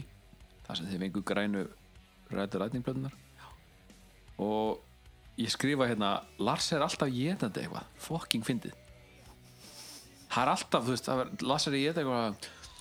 Já we should um veist, alltaf. Hann er alltaf að geta eitthvað ég veit ekki veist Nei, Jú, ég veit af hverju, hann þarf að nærast að það fara orku eins og við hinn en þú veist, alltaf þegar er eitthvað í gangi eða hvort, hvort það er bara hann er alltaf smjattandi. Hann smjattar þegar hann talar. Það, já, Já. Haldi hvernig hann verður sem gammal kall. Já, og tannlaus og, eða þú veist ekki það hann verður ekki tannlaus hann er með gerfi en já. Já, nákvæmlega, hann verður svolítið þannig. Það eru vídeo byrjar þar sem að einhverju leikarar er að leika hljómsveit sem að hérna, er að flytja þetta lag. Og hérna það eru svínshöfuð á spjótum sikkur um megin á sviðinu já, sem er skýrskotun í hérna það sem gerist á lightning túrnum. Já, það sem að, mástu myndin á Körk það sem er að Já. horfa svona nei, snýri í höstum hann er að horfa svona til hliðar já, á Ross Halfin sem að smelti myndina og það sést ekki á sviði sjálft en það er basically bara heilt svín sem er í mörgum pörtum á sviðinu. Það er það er verið að mynd svona skýrskota í það greinlega og vídeoð á mjög líklega að vera svona einhver skýrskotun í svona fyrstu nokkur giggin hjá strákurum já, hérna gigið gengur svona snurulöst fyrir sig þang til að í síðasta erindurinn þar sem söngvarinn byrjar að skera á sér hendina og blæða út um allt. Já, svo, svo er einu svínsöðinu kastað út í áhörundaskaran og þau byrja alltaf að geta það Já. þetta er rosa skrítið sko. Mér finnst sko, hugsa um svín og Adam já, Manstu þetta þættunum með Simpson? Adam Eva þættinum. Það með sem Homer og Marge eru hérna eru Adam nei. Það eru svín. Já, komin í múta Það eru svín í hérna garðinum. Ok, sem alltaf snúa sig við að baki fyrir Homer. Það er ekki að það bacon. Var það eplið sem? Nei, það var ekki epli Homer sá hana, hann, hann hefði bara alltaf bacon. Nom, nom, nom. Já, það var alltaf leið Já, svín er alltaf, vil ekki bacon? Sniði sig við og svona reyf svona Sniðu sjálfur sér, jæla, gerð svo vel. Ég, ég held ég hefði séð vel flestar seríur á Simpsons en nei, greinlega ekki. það var svona einhver special þáttur og ég, þetta er alltaf fast í mér. Þannig að það var nefndi sín höfu og hún tala um Adam Evu já, já, En Here Comes Revenge. Já, við förum bara beint í næsta lag. Númer nýju, Erðu Já. Hér kemur, kemur hendin hér kemur hefndin. Þetta er hérna Var sem að leysa um af hverju hver hugmyndin eins og texta lagi kom frá nei, Það var hérna að koma ykkur tvö eldri hjóna Hetfield ykkur mann jú, jú, jú, jú. En já, segi það já. og hérna sögðum, sögðum að þau voru ekkert verið að selja, selja, höfðu ekki fíla þá það Metallica. ekki, ekki miklu Metallica ekki, ekki hlusta mikið á það svo að dóttir þeirra hefur rosalega bara alveg verið ádáðandi í nýri, merk Mhm. beinmerk en hún hefur dáið í bílslisi það var bí- bílstjóri sem kerði undir áhrifum brennivíns -hmm. sem hafði vist dreipið hana já, og þeir voru ekki beint svona voru ekki með neina gremju eða, eða, með eitthvað svona með eitthvað svona hvað, sem, hvað maður segja svona út í reyðin bara reyði út Já. í mannin. Og hann fannst það magnað að hann hugsaði að hann hefði- sjálfur verið brjálaður út í hann og vilja bara fá Já. Já, ég Fyrir þetta. ég var Cali T hérna, Cali T Hetfield hefur verið Já. kenniði það er þá var ég voðið míns og eftir að hún dó þá byrjuðu þau að hlusta Metallica og Já. bara svona heyra minningu hennar og fór, mætti á tónleika með mynd af henni Já. og þeim var bóðið baksvis og James spurði hvað hérna, er þetta dóttir ykkar eða hvað, er í gangi þá sögðu það mér mitt þessa sögu og hérna þetta er frumflutt í Lubbock í Texas þann 3. mars Lubbock. árið 2019 Já. frestuðu frumflutningum út af að textin er svo heavy Já. einmitt, þetta, inntak mm hérna vídjóið er í svona teiknimyndastíl um, söguhetjan ef, ef, ef svo má segja er eh, með manns líkama hefur þið séð það? Nei. með manns líkama og híinu haus það er allir í myndbandum með manns líkama Já. en mismöndi dýr sem haus Svona Bojack Horseman fílingur já, já, þetta er nákvæmlega þannig Já. og svo er hann með sko uppstoppaða haus af öðrum dýrum Já. upp á vegg hjá sér og hérna nágrann hans er sko, með mannslíkama og svona dádýrs höfuð og hann er svona hann er ógslag sorry hínu gæinn mm. en hann veit að hann verður að drepa hana hann þarf, að, hann þarf að fara að drepa hana og, en svo einhvern veginn lifna öll höfuðin á vegnum hans við og þau fara að pynta hann einhvern veginn þetta er, þetta er algjört mindfuck sko. Já, voru- þú þeir eru svolítið, í þessu mindfucki Já. og já, hann end, sem sagt, endar upp á vegnum, uppstoppaður og öll dýrin sem voru upp á vegg eru núna lifnu við og þau eru að fá sér te og bakkils og meðan hann hangir upp á vegg eitthvað. Þetta er alveg stórfurðulegt. Já Theo bakkar sig yfir, yfir dátir í maður. Það er fokkin snilt. Hvaða lag kemur eftir þessu lagi? Am I savage? Am I Savage? Yes I am. Nei, tjók Það er svona pa- passa við Am I Savage af Því að öll dýran í jettan og sig Herru, það er lag tíu. Við vindum okkur bara beint í það, þetta var stutt og laggott. Það er allt í leið Demóið Það heit Sawblade. Sawblade. Sagarblað. Sagarbladið. Ekki ástabrif til Lars. Ekki aðstofnir til Lars. Nei, Hétt það, dimmu það? Á Alla sæs Loflegt er þú Lars. Nei, Nú, já, ok.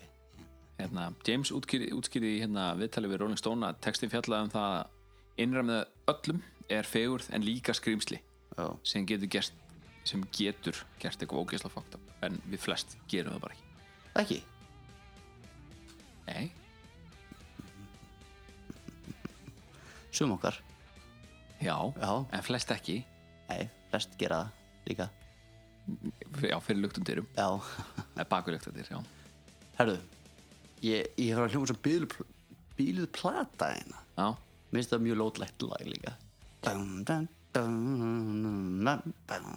Já. Já, ég get, ég get skilið það. Þetta er svona, þeir tóku þennan swing feeling þar líka. Vistu Hérna. þetta lag er svolítið svona þetta er Hvað, sex mínútur nánast? Er svolítið svona eins allagið já. En það er þetta með fæstar spilanir af, af fullin lögurum held ég. 13,8 miljón spilanir. Já. Sem að ég var í rosa sáttu með ef ég var með 13,8 miljónir hlustana á eitt lag sko. Já. Það var í geðvi Þú ert ekki en, en, Nei, Já, en hérna vídeo, ég er alltaf, ég er alltaf að tala um að já, það byrjar sem sagt á einhvern svona dressmann-gaur. Já. þú veist, þú veist hver þessi dressmann-gaur er? Fyrir sér þessmangur bara dressmann-ölsingin Já, gaurarnir í dressmann-ölsingunum bara maður sem ég Fallegur og myndalegur og svona. Það er svolítið eldri, þeir eru alltaf svona í kringum Já, svona alveg. 45 plus Já, þetta er svona Mér langar að vera dressmann að þessum aldri.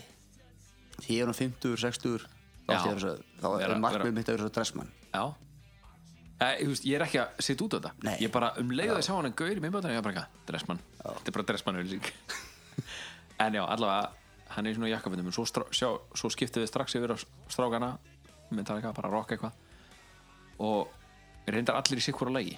Þeir eru aldrei saman í, í rammanum en, Og dressmanngæðin er svo í svona ýmsum aðstæðum Svona daglegs lífs. En hann er svo eini sem er svona venjulegum eða svona sérðan allir aðrir sem eru að leika í viðbandri mm. eru í svona whole bodysuit. Svona hvít, hvítu bodysuit. Þú veist, krak, tveir krakka eða einn krakki eitthvað leis Já. og konan hans er reyndar hundurinn ekki í bodysuit en það, það hefði líka örgulega verið kært sem eitthvað ill meðferð á dýrum.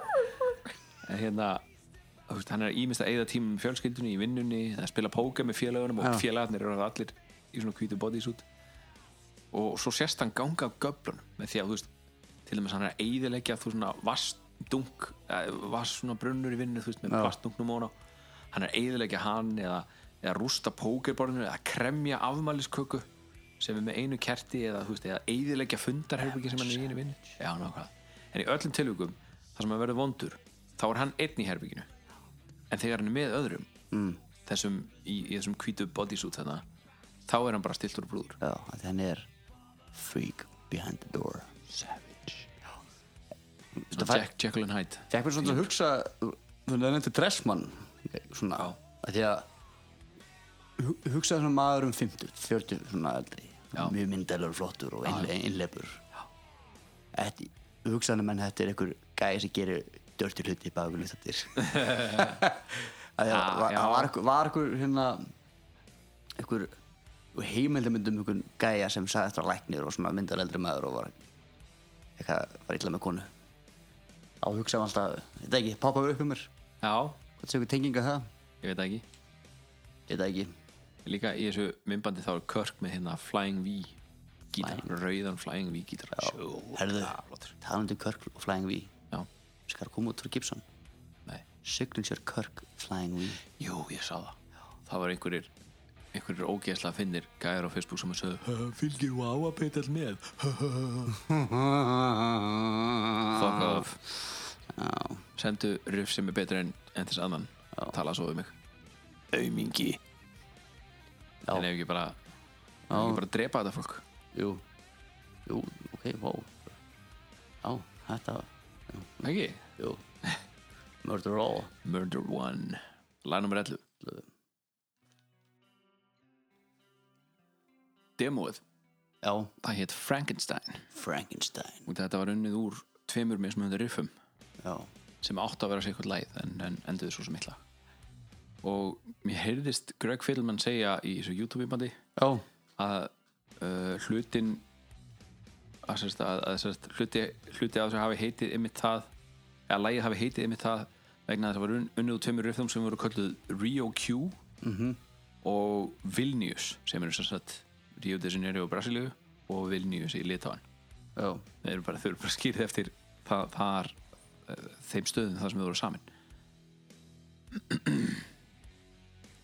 en þetta er tributlag já sagt, þeir semja það en þeir semja það sem tribut því að hann dó hana kongurinn, hvað, í des- 29. desember veit ekki Ah, ég, ég, man, ég man ennþá þegar hann, hann dó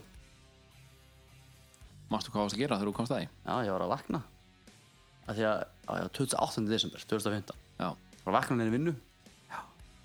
og ég skilja bara að félagum mínum svona, mynda eitthvað svona svona Emo sorgakalli emoji að gráta, já. Og ég, bara, að, lemmi, ég hugsa, hugsa þetta lemmi, lemmi var þetta ég hugsaði að því að ég var nýbúinn að horfa á kvöld áður eitthvað mymbandi hvað var hann slæmur og okay. ok, við talum hann var að spila á tónleikum. Já, hvort hann var, var, að, var að spila þau var að spila Overkill. Mhm. og hann var að syngja Ace of Spades. Og að, já, ok. En samt var það bara samt það bara áfram. Já, Hugsa þetta að, að passa inn já þetta, þetta, þetta er ekki ósvipuð lög sem maður bælir í Nei.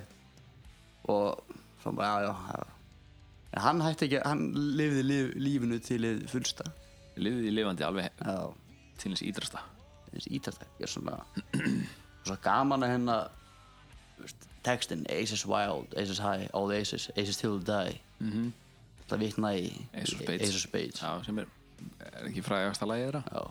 Born to lose lag. Live to win. Já. Já, Live to win.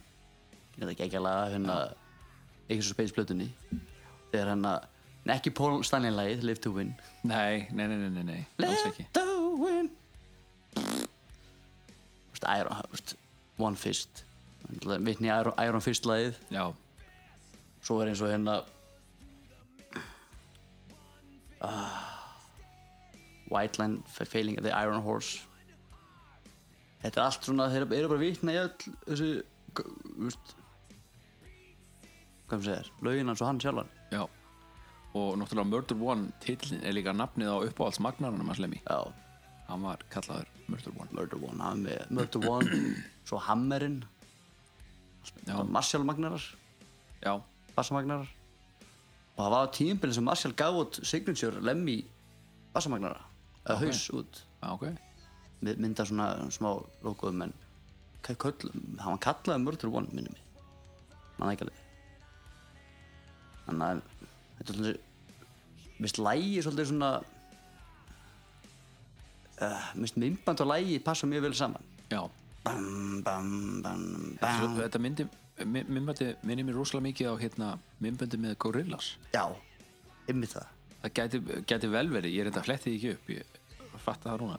Já, það gæti vel verið að sé sami animator á bakvið þetta. Já. því þau alveg, þú veist, stílinn er rosalega mikið eins já, þú veist, hann er að keira um okkur bíl og svona já, farðum allt.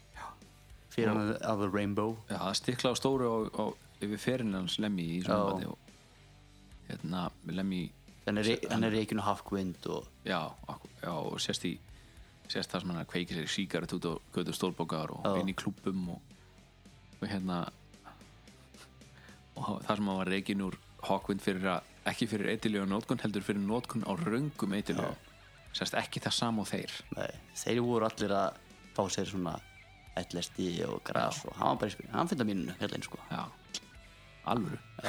Hann sagði við són sinn. Já, hvort ég hef nefnt það í þessu podcast áður að hérna, hvað sem ég gerir ekki að fáið kókaðin að heroin og það er anfendur mín, það er miklu betur fyrir því já shit. Það, það er, já það, það, það er mm, skrítin heil ráð. Já, en ok. En já, ég las líka hérna en nei, þetta var í myndbandinu Lemmy ákvaða að hefna sín á Hawkwind Já. með því að sofa hjá kærustum þeirra allra. Já. Fucking legend. Þetta er ekki fríðast að maður í heimi en nei. Stærsta fæðingarlegt bara síðan Mikael Gorbachev lest sko ef fæðingarlegt skildi kalla þetta er var hann er frá, frá Wales af elsku mm rosalega sko eins mikið svona hard ass on er Já. og með lúki og oft með svona í svona nasista búningum og alls konar og hann sagði sjálfur að hann dýrkaði eða svona ekki beint na- hugmyndafræðina heldur tískuna þeirra. Fatnaðin Já. og við svona, þetta er svona grófur maður. En á sama tíma er hún skýtsama hvernig þú ert hvort þú ert svartu, hvítu, þetta, hommi, lesbía já, eins og hann sagði Little Richard og uppáhaldsöngurinn hans. Já. Veistu, og hann, Hann átti það saman með bílunum já, og hann, hann var mjög hrifun af bílunum líka. Og rosalega svona bara veist, hvað maður segja, veist, eins og þeir lýsunum hafi verið bara besti maður sem fólk hefur getið kynst sko.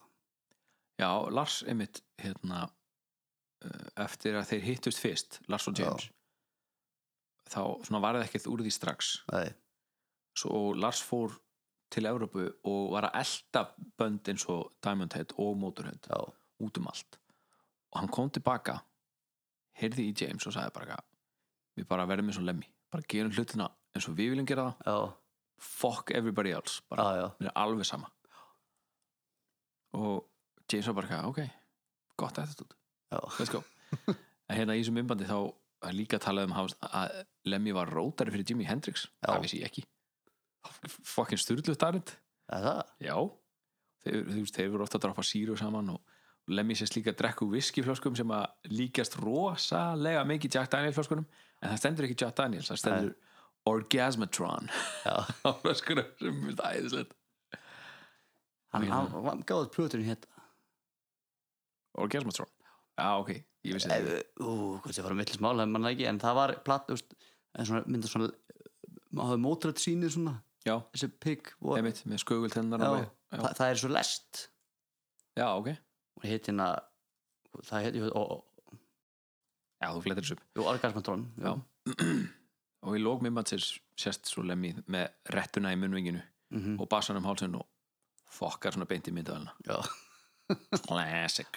Þeir, þeir komið fram Eitthvað mann 95 Í Hollywood Sem The Lemmys The Lemmys Já, já, voru þeir ekki allir með hárkollur? Allir með hárköllu já, allir með skegg eins og hann lítað og klettir eins og hann.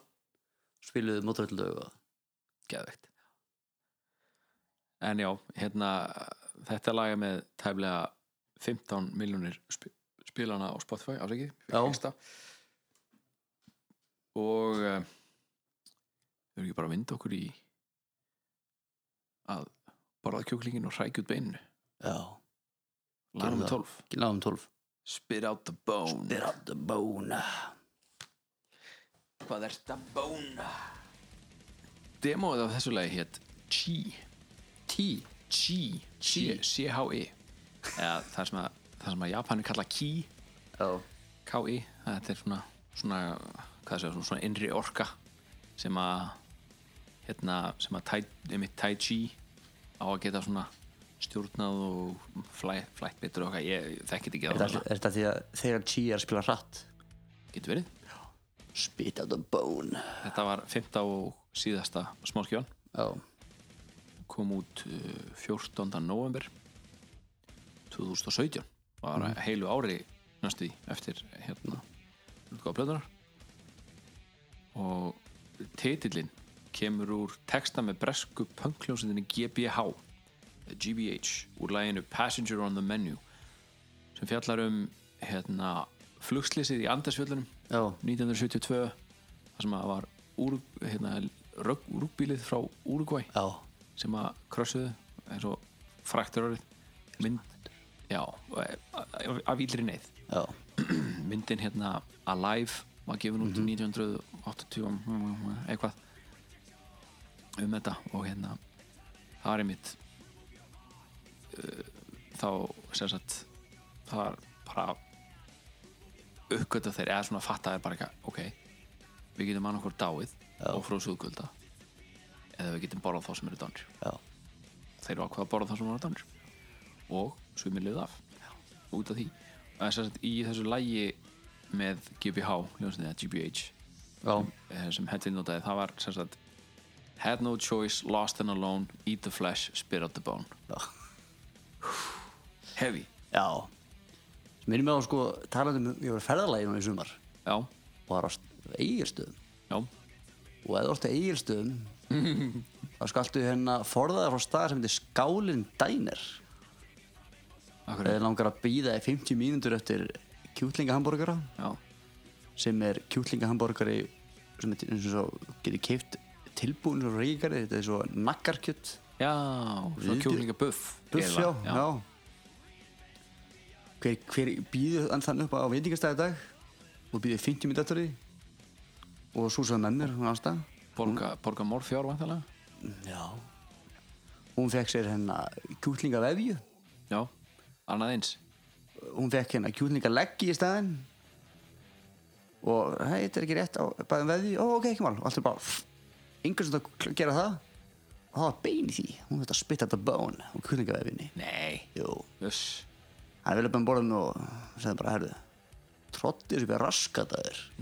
Já, Ásta sagði það vantalega já, Ásta sagði það vantalega Já. hún er svo, hent og svo frækt og bein og Já. beint í ákveðslugra hún tróði upp í raskat af hann eða ekki? Nei, hún sagði snúðu við, að hverju? Og beint wow. í stjórnuna þetta fáðu að vera ekki sörg og ógislega mat Ég bara, hvað viljið þið? Ok, hérna. Röfum út Eng- engin fyrir að þú svona mikill nagli. Já. Ásta búin að þjálfa þig alveg. Heldur betur kallar nei, ég er nú bara hitt, hittar hann ástuðina einu sinni og hún virka fóðalega ljúf og... Þú skal, þú skal ekki setja bein í maturnar Ha, getur sagt það skallið minn já, var, var hún í alveg byrjað með það? Nei, nei. Nei, ok. Við erum bara að gefa þetta út sko. Herri, herri Þetta var ekki rétt hjá mig með myndina Alive. Hún kom út 93 Já, En það er svona Það voru, eh, hvað að segja Leifar af 80sinu voru en þá Í samfélaginu þá. Grönsi var bara eitthvað. Þannig að ég ætla að Leifa mér að bara hm, Nei, nei, þetta var 93, ekkert bull. Og Spirit of the Bone er frumflutt live í O2 Arena í London 2004. oktober 2017 þannig að tæp, aftur tæpu ári eftir að eftir útgáða blöðunar Það líka rosa langur túr eftir blöðuna var það? Já, minni það. Ok, veit það ekki. Hún er alltaf kölluð Lords of Summer Tour. Og líka hardware túrin Líka akkur jaha, Já, ég held að. Ég er að, ú, er eitthvað um villisu ég veit ekki. Það sem voru með sviði svolítið svona Langt og stórt. Já, Stóran letsk, eða sk- skjá fyrir aftar sig. Held ég, já, akkurat. Og það kom svona, þú veist, ef að spila masterlægi kom svona já, já, Purpose, krossarnir, já, já. akkurat. Já, ég sé minnbytta þessu á þessum túr þá var ég mitt hérna lagi sem að heldur Eiki senda okkur hérna í Facebook grúpunni þar sem að fólki var á sviði. Já, þá hérna, snýr hann kamerunni að, að skjánum fyrir aftan sig og þá sjást krossarnir svona. Já, já. Veist, það var að fara, fara fram hjá krossum í alveg eh, tugatali, hundraðatali það og hérna, já, lægið áttur upp er að vera tíu mínútur að lengd. Já. en þegar skára niður og gera það aðeins strömlínur lagaðra og þetta myndi þá lægið myndi þá á svo rosa mikið á Merciful Fate. Sem að þeir sem að þekkja Garage Inc. plötuna vel mun eftir Merciful Fate sirpunni.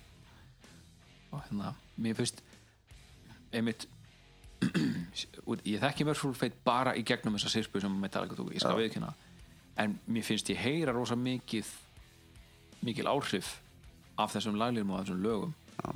í gegnum plötuna það er ekkert eitthvað eitt sem er bara já, þetta er alveg eins og Merciful Fate lag það er svona ein laglína eða veist, eitt svona blæbriði eitthvað staðar sem að minnum á. Það En það er bara ég. En þetta var svo gott lag til að gera erfiða æfingar um undir.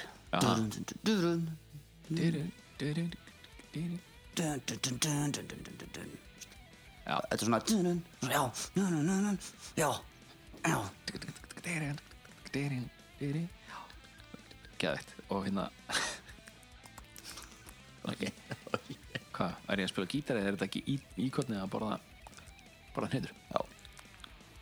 Nei, herriðu, myndbandið og textin fjalla hvort tvekja um það um hvað hérna tækni Já. er orðin svona stór og mikill partur af dögl, dag, duglegu, daglegu lífi. Já. og það líður ekki lengur þar til svona atbyrðir Terminator og fleiri sci-fi mynda já, verðið að raunveruleika. Og myndbandið er mjög svona skemmtilega illa leikið.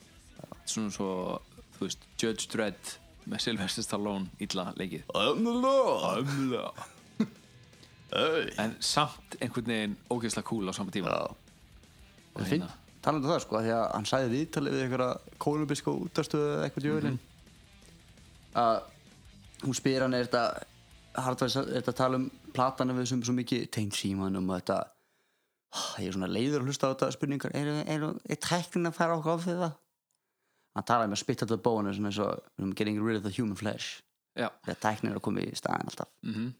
Við erum bara vélaræn og þetta. Já, svo er húðin klætti við vélina. Já, já, og vöðvanir og alltaf En já, ég fæ nánast bónir þegar James syngur hérna. Spit out the bone! Nei, ekki þegar þú brumpar Við vorum sem sagt aftur að taka smá pásu til þess að ekki geti létt á sér gegnum óæðri endan En já, þegar James syngur hérna Spit out the bone oh, já, Svo flott. Þú veist, Þetta kórónar nákvæmlega það sem ég var að segja með hvað hann syngur vel á sér plötu. Já, það er sko hann er svona hann er svona Já, hann getur reynt á sig. Já. En man, manni finnst samt ja, veist, Hann getur látið að hljóma þannig En ég fæ ekki á tilfinningur að hann sé að reyna endilega mikið á sig. Nei, Hann bara kann að hljóma svona. Já, Og þetta lag spilaninnar fara, það, það byrja í 100 og hvað 6 miljónum með eitthvað sem ég sagði Já. í Hardwired svo fer hann niður, svo aðeins upp í, í hérna, Moth into Flames og niður og niður og niður og niður. Þetta svo allt í já, 40 miljónir